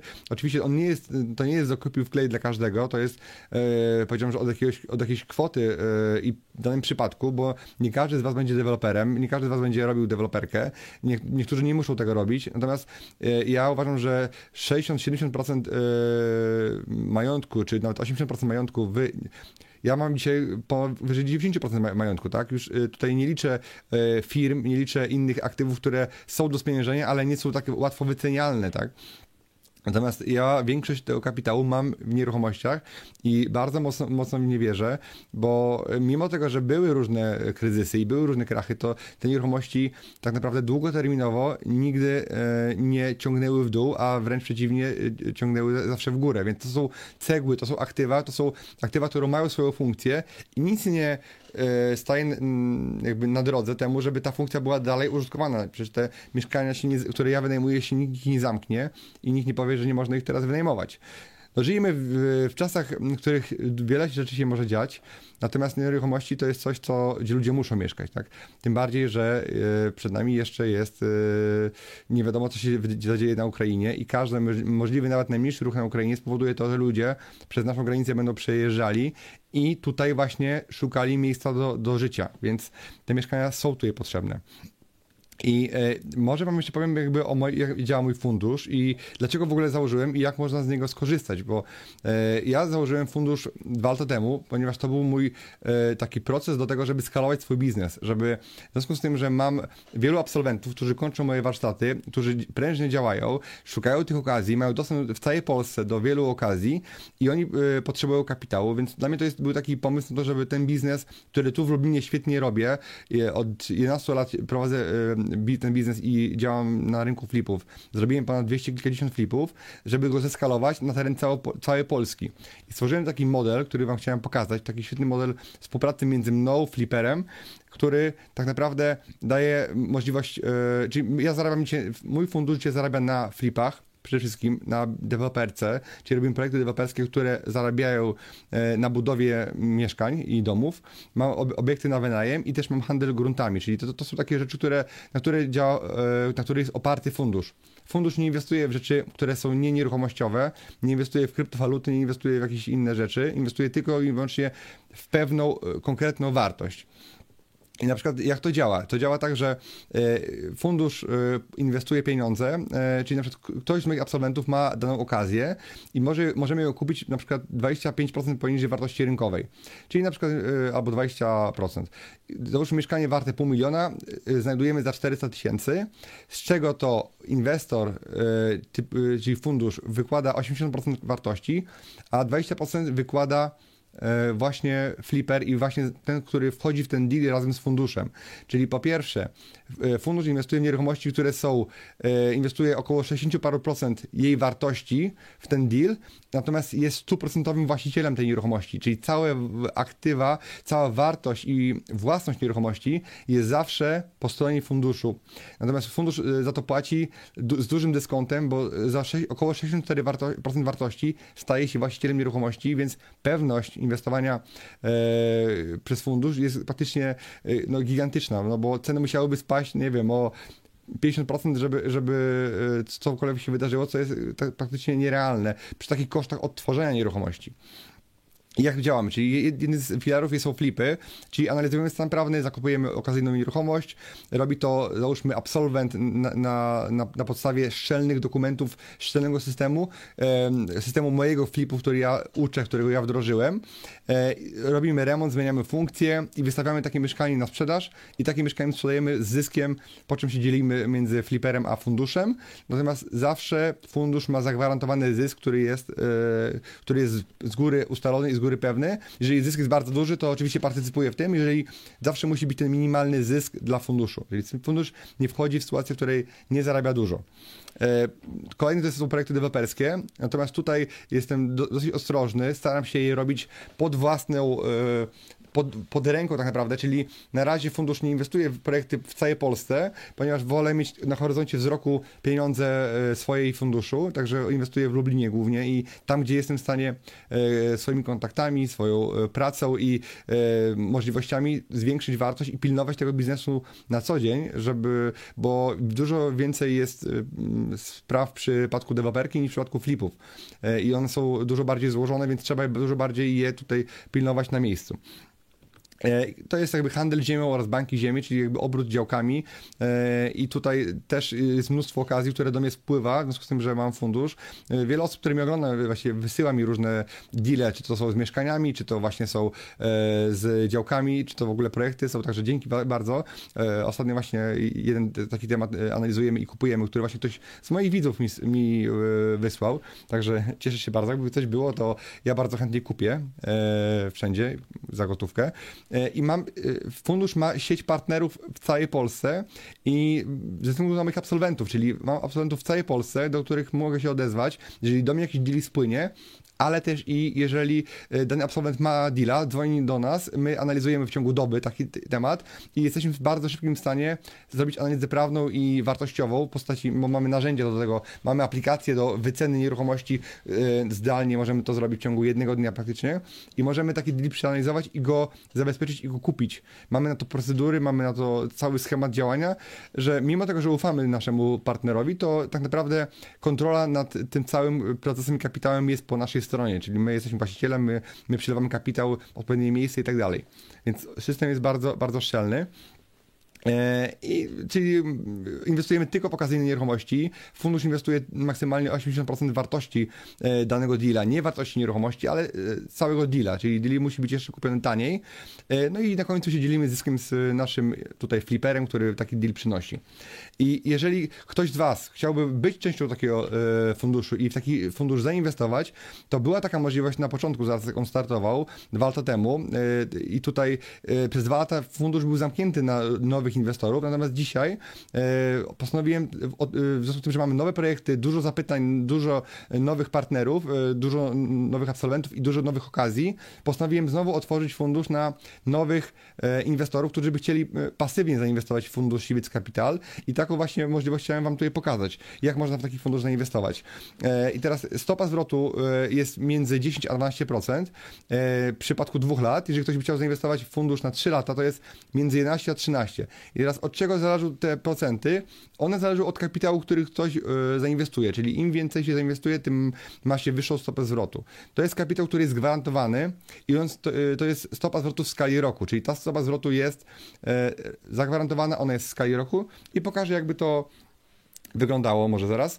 Minimalny jakby wkład, jeżeli ktoś by chciał zainwestować w fundusz, to jest 200 tysięcy złotych. Tyle wynosi takie minimum logistyczne. E, po prostu poniżej tej kwoty nie przyjmujemy inwestorów do funduszu. I maksymalnie to jest 3 miliony złotych, czyli też e, nie, nie chcemy większych rund niż 3 miliony złotych. I też mamy ograniczoną ilość e, kapitału do pozyskania, bo też nie chcemy brać więcej niż jesteśmy w stanie wydać, bo chcemy wydawać bezpiecznie, kontrolować cały ten proces, nie chcemy zbyt szybko się rozwijać, chcemy robić to z głową i małymi krokami, więc mamy ograniczoną ilość miejsc dla inwestorów e, i pokażę wam, jakby to wyglądało zaraz. Czyli jeżeli ktoś by chciał zainwestować na przykład 200 tysięcy złotych, to na dwa lata, to e, miałby zagwarantowany zysk na poziomie 10%. Jeżeli by zainwestował na 3 lata, to miałby zysk na, na poziomie 11%. Natomiast jeżeli miałby chciałby zainwestować większą kwotę, na przykład 500 tysięcy złotych, to na, na dwa lata e, miałby zagwarantowany zysk w skali roku 11%, e, a 3 lata to 12. Natomiast jeżeli chodzi o, o, milion, bo tu jest jakby są e, najlepsze warunki, jeżeli ktoś chciałby zainwestować milion złotych, e, a mamy takich inwestorów u nas w funduszu, to e, wtedy płacimy 12% skali roku przy dwóch latach i 13% skali roku przy trzech latach. Więc to są takie zyski, które są, e, które są proponowane od nas. E, w związku z tym, że my mamy, e, kiedyś fundusz płacił mniejsze oprocentowanie, natomiast mamy dzisiaj dużo wyższe rentowności z naszych projektów i jakby wiemy, że umiemy lepiej tymi pieniędzmi zarządzać i umiemy e, te deale robić i mamy duży dochód z tego, dlatego możemy też się podzielić tym zyskiem internetowością z kimś, kto na przykład chciałby ten kapitał dokapitalizować. I ja w tym funduszu, połowę środków funduszu to są moje prywatne środki, mój prywatny majątek, który ja zainwestowałem, a połowa to są e, inwestorzy, którzy są razem w funduszu, którzy razem, czyli dokładają kapitał, żebyśmy mogli dystrybuować te pieniądze i kupować flipy, biznes deweloperskie w, w całej Polsce. Jakby to, to, to, jak to wygląda w porównaniu? Popatrzcie, że lokata bankowa, e, dzisiaj przeciętna lokata to jest 2,30, obligacje dwuletnie to jest 1,5%, no wynajem kawalerki w stolicy to jest 4%, może nawet e, czasem 5% e, i wiadomo, im mniejsze miasto, e, tym, tym może być więcej. Natomiast fundusz Yield Capital jest w stanie zapłacić inwestorom nawet 13% w stacji, no wiadomo, który, którzy da, dadzą większy kapitał na dłuższy okres. Więc jakby to, to wygląda naprawdę atrakcyjnie. Wcześniej, jak mówię, płaciliśmy mniej, bo też te dwa lata pokazały, że możemy zarabiać naprawdę yy, duże pieniądze razem z naszymi partnerami, razem z naszymi właśnie tutaj inwestorami. I co jeszcze ja przewidziałem, jeżeli ktoś by chciał z Was zainwestować teraz e, w taki w mój fundusz, to dla każdego e, tak naprawdę będą organizowane, znaczy dla wszystkich inwestorów fundusz będą e, organizowane spotkania razem ze mną, czyli takie coroczne spotkanie ze mną podsumowujące, podsumowujące rok. I teraz każda osoba, która zainwestuje w fundusz, dostanie ode mnie konsultację, jeżeli zainwestuje ten minimalny kapitał, telefoniczną ze mną, czyli będzie mógł ze mną porozmawiać, skonsultować ze mną jakiś tam temat, który będzie miał jednorazowo. I jeżeli zainwestuje powyżej 500 tysięcy złotych, to dodatkowo e, w ramach takiej jakby takiego bonusa i żeby e, podziękować w pewnym sensie za zaufanie, które ktoś, mi, które ktoś obdarzył fundusz i mnie, to dorzucam dodatkowo spotkanie się ze mną w Lublinie bądź w Warszawie na lunchu, czyli jakby taki lunch biznesowy, który, który możemy tutaj razem odbyć, ale też i udział w moich warsztatach o wartości 10 tysięcy złotych. Także jeżeli ktoś by chciał zainwestować tą kwotę, Natomiast w przypadku, kiedy ktoś zainwestuje powyżej miliona, to taka osoba nie tylko dostaje warsztaty i taki lunch, natomiast dostaje też ode mnie taki roczny mentoring biznesowy VIP, który tak naprawdę e, jest dosłownie dla trzech osób dostępny, gdzie, bo wiem, że e, wiele osób brało ode mnie e, taki mentoring albo konsultacje, albo jakieś programy roczne, które kosztowały załóżmy po 100 tysięcy złotych, gdzie nie tylko pomagałem przy projekcie deweloperskim jednym czy drugim, ale też i ustawialiśmy wspólny biznes, gdzie ktoś ma duży biznes, biznes, gdzie ma różny kapitał polokowany, tak żeby on był jak najbezpieczniej. I e, wielu przedsiębiorcom sporym pomogłem ich biznesy poukładać, więc myślę, że taki mentoring dla takiej osoby i, te, i taki, takie wsparcie biznesowe byłoby naprawdę no, sporo wartością. Tylko tu jest akurat tylko trzy miejsca na ten mentoring, więc to są takie dodatkowe korzyści, które zaproponowałem właśnie inwestorom. Jeżeli chcielibyście w taki, razem ze mną w taki fundusz zainwestować, także to są korzyści dla Was dodatkowe. Teraz jak to wygląda formalnie, to e, wejdźcie na, stronę e, Siwiec Capital i łamana zainwestuj e, i tam wypełnicie krótki formularz, zgłoście się, a ktoś ode mnie, czy mój wspólnik, czy, czy, czy ja, czy nasz współpracownik skontaktuje się, się z wami, żeby te formalności spiąć. I teraz my to możemy zrobić zdalnie, nie, nie potrzebujemy akurat iść do notariusza i się spotykać, mamy całą procedurę, żeby zrobić to zdalnie, wypełniamy formalności, wpłacasz pieniądze i, i na, koniec e, odbierasz zyski, tak? Czyli i te zyski dzisiaj, one nie są uzależnione jak, od tego, jak nam pójdzie biznes, są generalnie zagwarantowane w umowie i są y, pewne z góry określone tak naprawdę y, w umowie. I jak to, jak to mniej więcej wygląda, to za chwilę powiem. I teraz my mamy razem w tym funduszu, pracujemy z prawnikami, doradcami podatkowymi, analitykami, mamy doradców technicznych i mamy jakby cały sztab ludzi do tego, żeby te inwestycje sprawdzać, analizować, żeby być pewny tego, w co wchodzimy i tego, co kupujemy. To już jakby jest paręnaście lat mojego doświadczenia, gdzie ja tych ludzi zebrałem i oni pracują w funduszu, przy funduszu i jesteśmy w stanie każdą najtrudniejszą sprawę techniczną, prawną e, czy, czy jakkolwiek inną rozwiązać e, i to jest wartość, którą też dowozimy e, w ramach tego funduszu. I teraz być może widziałem, że część z Was miała takie pytania i postanowiłem na nie odpowiedzieć. Tak, zrobię taką sesję, którą ja mam, mam tutaj dla Was przygotowaną, ale później będzie jeszcze sesja pytań, które ja będę odpowiadał, będę czytał je z czatu to na czym polega w ogóle inwestycja w fundusz e, i jak to wygląda? E, I jakby, czy musicie e, cokolwiek robić? I teraz inwestycja w fundusz polega na tym, że to jest inwestycja pasywna, gdzie macie z góry zagwarantowany dochód i inwestujecie w fundusz, który z góry zagwarantowuje wam to, że będzie e, ten kapitał zwrócony, ale też będzie, e, będzie określony zysk. Tak? Czyli inwestycja jest totalnie pasywna, jest, jest bezpieczna, bo jest oparta o, o rynek nieruchomości, czyli spółka inwestuje tylko w nieruchomości, nie inwestuje w jakieś aktywa niebezpieczne, inwestuje tylko i wyłącznie w, w aktywa trwałe, które są, które są tutaj zabezpieczone, czy wpisami do, do księgi wieczystej, czyli zawsze spółka w postaci funduszu, spółka akcyjna jest właścicielem. E, Okej. Okay. Kolejne pytanie, jakby e, ile finalnie na tym zarobię, czyli jak naprawdę będzie ten zysk wyglądał, to zrobiłem taką kalkulację, że jeżeli ktoś zainwestuje 200 tysięcy złotych na 3 lata, to po 3 latach dostanie 1 trzecią więcej czyli dostaje o 33% więcej, to znaczy dostanie 266 tysięcy, czyli zarobi e, na tym realnie 66 tysięcy. Oczywiście trzeba wziąć pod uwagę podatek dochodowy i teraz w zależności od tego, czy ktoś wejdzie prywatnie, czy wejdzie jako firma, to ten podatek będzie miał y, różny, to, to tutaj dlatego nie rozróżniamy tego, natomiast my płacimy 66% zysku i to, no i to jest 66 tysięcy zysku, czyli to jest 33%, to jest taka minimalny, minimalny zysk. Natomiast jeżeli ktoś by wszedł na powyżej 500 tysięcy na 3 lata, to my płacimy 12 razy 3, czyli 36 tysięcy, yy, 36%. To znaczy, że y, ktoś wkłada y, dzisiaj 500 tysięcy i my wypłacamy, z góry umawiamy się na kwotę 680 na, na zwrot kapitału i na, na zysk 180 tysięcy. Więc tak mniej więcej w liczbach to wygląda. I jeżeli tu byś chciał zainwestować milion złotych, to wtedy po trzech latach e, wypłacamy 39%, to znaczy milion 390, czyli 390 tysięcy złotych zysku po trzech latach inwestycji w funduszu, która jest bierna, która jest pasywna, która nie wymaga żadnych e, tak naprawdę żadnych działań. My oczywiście e, mamy e, taką e, grupę na Telegramie dla, dla inwestorów funduszu, gdzie informujemy, co się dzieje, jak wyglądają postępy, jak, jak, jak to, jak, jak fundusz, co, czy coś kupił teraz nowego, jakie ma, ma nowe inwestycje i i co dalej? Kolejne pytanie. Dla kogo to jest dobra inwestycja? Tak? Czyli dla kogo ta inwestycja e, w fundusz byłaby e, opłacalna? Ja przede wszystkim uważam, że to jest dla osób, które mają jakiś e, kapitał, który chcą zainwestować, chcą go zdywersyfikować na przykład, mają jakąś firmę, która, w której się odnajdują, w której pracują, ale po prostu nie chcą się zajmować, mm, nie wiem, biznesem nieruchomości, tak jak ja na full time, czyli szukać tych okazji, kupować te okazje, remontować te okazje. Chciałby po prostu pasywnie zainwestować w taki taki fundusz, zainwestować razem ze mną w ten biznes, natomiast nie wymagałoby to, nie absorbowałoby to ich, ich pracy w ich biznesie, czyli ktoś może pracować na etacie, mieć jakieś oszczędności i może nie chcieć na przykład kupować mieszkania na wynajem i się tym zajmować, wolałby zainwestować w fundusz i zarobić na przykład 12% czy, czy, czy w zależności od, od czasu, tak? Więc to jest dobre dla osób, które chciałyby bezpiecznie, ale pasywnie zarabiać na nieruchomościach, na tym rynku nieruchomości e, i to jest właśnie dla takiej osoby. E, czy inwestycja e, no jest pasywna? Ok. Czy będę musiał coś robić?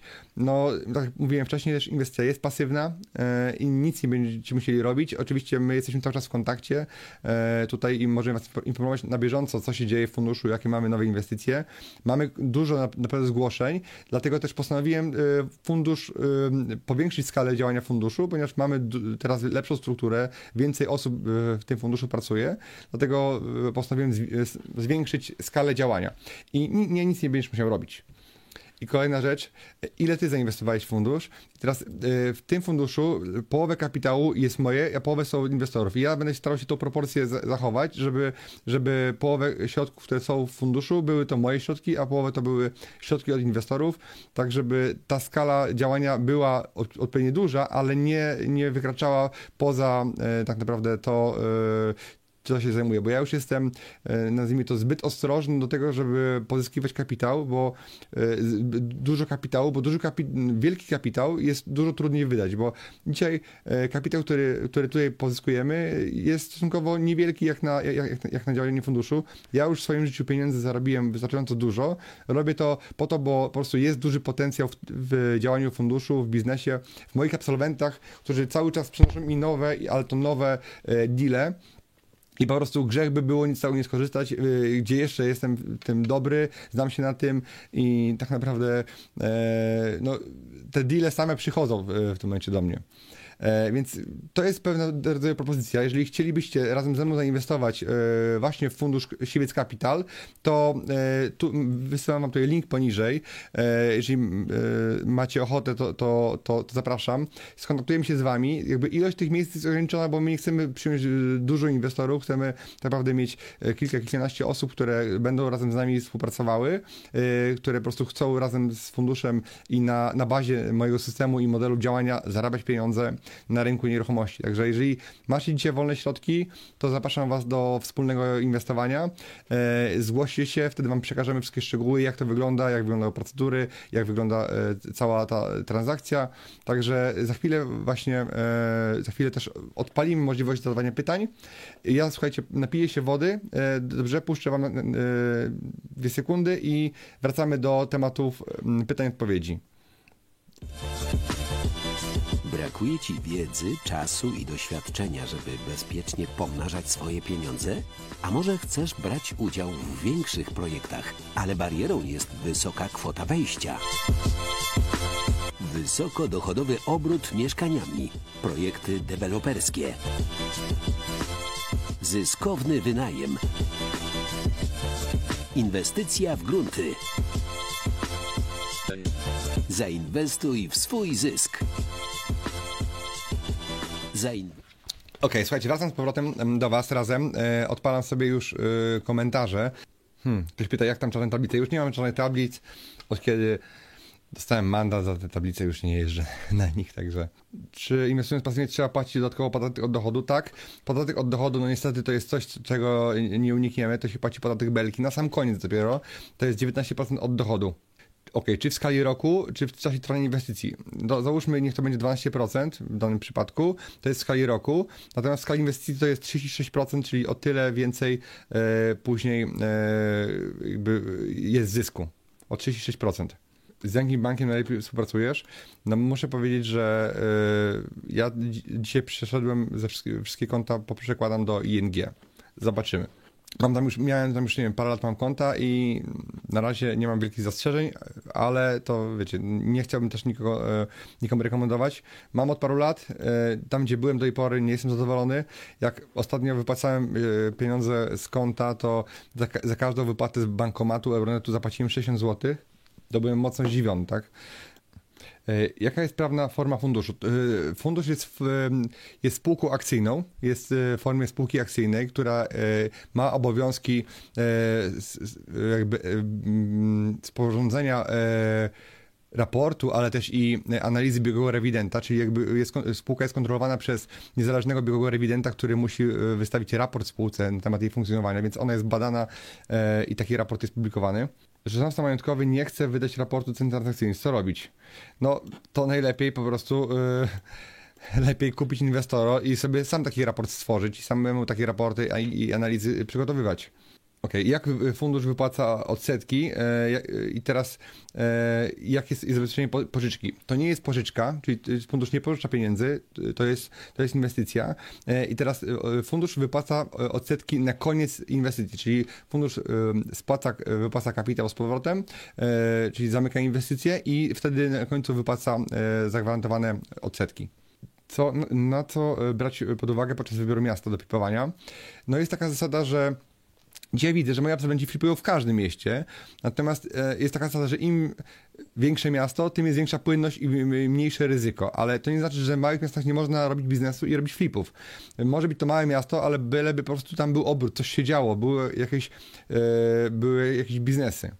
Okej, okay. E, czy można wziąć moje warsztaty z dofinansowania z Krajowego Funduszu Szkoleniowego. Myślę, że tak, że były osoby, które były z różnych funduszy, e, brali mój kurs i również e, dali radę. Ok, co by się stało, gdyby fundusz upadł? No, nie ma takiej możliwości, ponieważ fundusz się nie kredytuje, fundusz nie ma zobowiązań e, żadnych bankowych, nie lewaruje się dodatkowo, ma aktywa w postaci nieruchomości, także nie ma możliwości, żeby, żeby fundusz e, upadł. Poza tym, tym bardziej, że jest połowę kapitału funduszu moje. Mhm. Kończę liceum w tym roku, mam 17 lat, w wakacje będę mógł przyjechać na warsztaty flipów. Generalnie nie mamy żadnych e, ograniczeń wiekowych, e, natomiast e, bym radził bardzo dobrze przemyśleć, czy jeszcze może trochę nie jest za wcześnie do tego, czyli radziłbym, żeby każdy, kto przyjeżdża na mnie na warsztaty, był przygotowany, przeczytał ileś książek, był już w tym temacie, bo nie chciałbym, żebyście robili ten kurs po to, żeby go robić, tylko żebyście mogli od razu realnie wjeżdżać w rynek i działać i wykorzystywać to wiedzę, te narzędzia, bo bo o to w tym chodzi. Mi nie zależy, żeby ktoś przyjechał do mnie na kurs i go nie wykorzystał, tylko żeby po prostu wziął te narzędzia i zaczął nimi tłuc. Czy jest możliwość wypłaty odsetek co roku? E, jest taka możliwość, natomiast to już jest wtedy indywidualna oferta, która jest e, mniej korzystna niż to, co przedstawiłem tutaj. Czyli e, jest sens inwestowania w ziemię rolną, dla której miejscowy plan aktualnie zabrania jakiejkolwiek budowy. Moim zdaniem nie, bo ciężko ci go będzie zmienić i jakby ja nie inwestuję w ziemię rolną na przykład na spekulacje pod tytułem urośnie kiedyś, kupuję e, hektary i te hektary urosną na wartości, bo jest inflacja. Ja kupuję ziemię wtedy, kiedy jestem w stanie wpłynąć na to, że ona będzie więcej warta, czyli podział, media, różne inne rzeczy, które są budowaniem wartości. Czy warto teraz inwestować w rynek nieruchomości e, w Anglii czy w Polsce? Moim zdaniem, e, ja się znam na rynku polskim, zamierzam w tym roku pojechać do Anglii. Czy mi się uda, e, żeby tam ten rynek rozeznać, to wtedy Wam więcej powiem. Natomiast sam myślę, że Anglia jest jeszcze póki co jedną z list destynacji, o której myślę, żeby powoli tam inwestować, ze względu na taką wieloletnią kulturę gromadzenia majątku Natomiast wiem, że tam się dzieją w Anglii no nie, e, nieciekawe rzeczy, jeżeli chodzi o, o zmianę. Wiem, że e, bardzo mocno kontrolują teraz e, ludzi, którzy są za granicą, którzy są za granicą, przyjechali z Rosji i badają źródła pochodzenia pieniędzy na przykład i wiem, że sprawdzają wszystkich ludzi, którzy mają duże kapitały tam i dzisiaj się tam taki raj dla, dla dużych biznesów skończył. OK, czy przeczytanie Twoich książek jest wystarczającą podstawą do efektywnego szkolenia? Moim zdaniem tak, że nie trzeba szczególnie e, wiedzieć wcześniej. Wiele osób e, przyjeżdża do mnie, jest świeżych i e, wtedy warto po prostu, no chodzi o to, żeby ktoś przyjechał i w ogóle tym tematem się interesował, żeby był zainteresowany tym. Czy w kalkulatorze Excela notariusz PCC plus taxa uzupełniasz pole przed maksymalną ceną zakupu? Tak, uzupełniam pole, bo sobie liczę wstępnie, tak z górką, ile notariusz powinien kosztować. Czy płaci się podatek od krypto? Oczywiście, że się płaci. W sumie od wszystkiego się płaci w Polsce podatek. Jak zabezpieczyć nieruchomości w przypadku na przykład wojny i zrujnowania? No nie zabezpieczyć się przed tym, tak? To tak naprawdę to, to, to jest tak trudne pytanie, jakby ktoś powiedział, jak się zabezpieczyć przed wypadkiem tak naprawdę samochodowym. No można jeździć wolniej, to coś ci da, natomiast yy, nie masz pewności, że ktoś w siebie nie wiedzie. Nigdy. Gdzie polecasz kupić złoto? W, w jakiej menicy? Ja kupowałem złoto za granicą e, w Niemczech i to jest firma coininvest.com. I kupowałem zawsze przychodziło, także to jest duża firma. Ciekawostką jest to, że przychodziło, kiedyś wyjechałem za granicę i przy, zamówiłem do siebie, e, do biura i przyszło do jakiegoś punktu takiego małego, jakiegoś kiosku, nazwijmy to z taką organiczną żywnością, jakiś taki punkt, jakiś taki blaszak, gdzie stały paczki DPD czy jakiegoś kuriera. Po prostu przy drzwiach ktoś mógł sobie tą paczkę wziąć, a tam było moje złoto za kilkadziesiąt tysięcy. Więc na szczęście pani w tym warzywniaku czy tam w tym sklepie nie wiedziała, co to jest i gdyby wiedziała, to by schowała do sejfu, a nie leżało to przy drzwiach wyjściowych na podłodze, e, gdzie każdy klient mógł sobie to wziąć. Jeżeli miałbym tylko 199 tysięcy i musiałbym coś zainwestować, to co by to było? No pytanie też od ciebie, e, czy masz czas na to, żeby się tym zajmować, czy nie, bo to jest pytanie dla każdego inne, dla każdej osoby inne. Lepiej robić flip czy mieszkanie pod wynajem?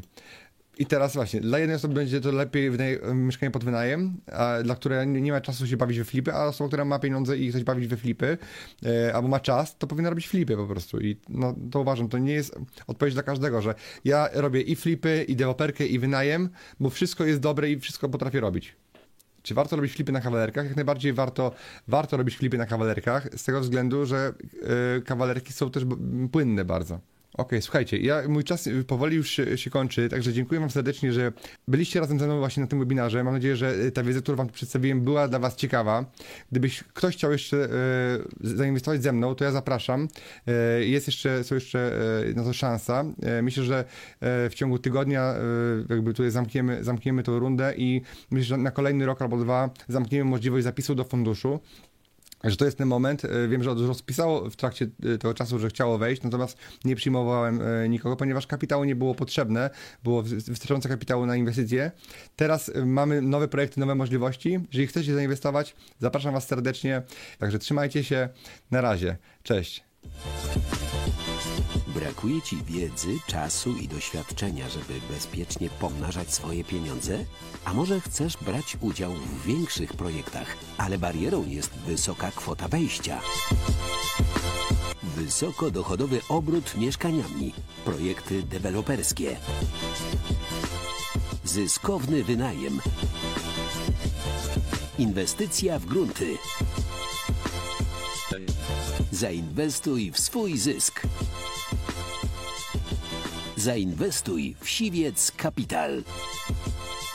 Dziś możesz stać się partnerem Daniela Siwca i inwestować razem z nim. Dziś możecie wspólnie pomnażać kapitał. Bezpiecznie, stabilnie i zyskownie z Siwiec Capital. Dziękuję Ci, że wysłuchałeś do końca. Jeśli ten podcast był dla Ciebie interesujący, zapraszam do słuchania kolejnych odcinków. A jeśli chcesz jako pierwszy otrzymywać powiadomienia o nowych odcinkach, subskrybuj mój podcast.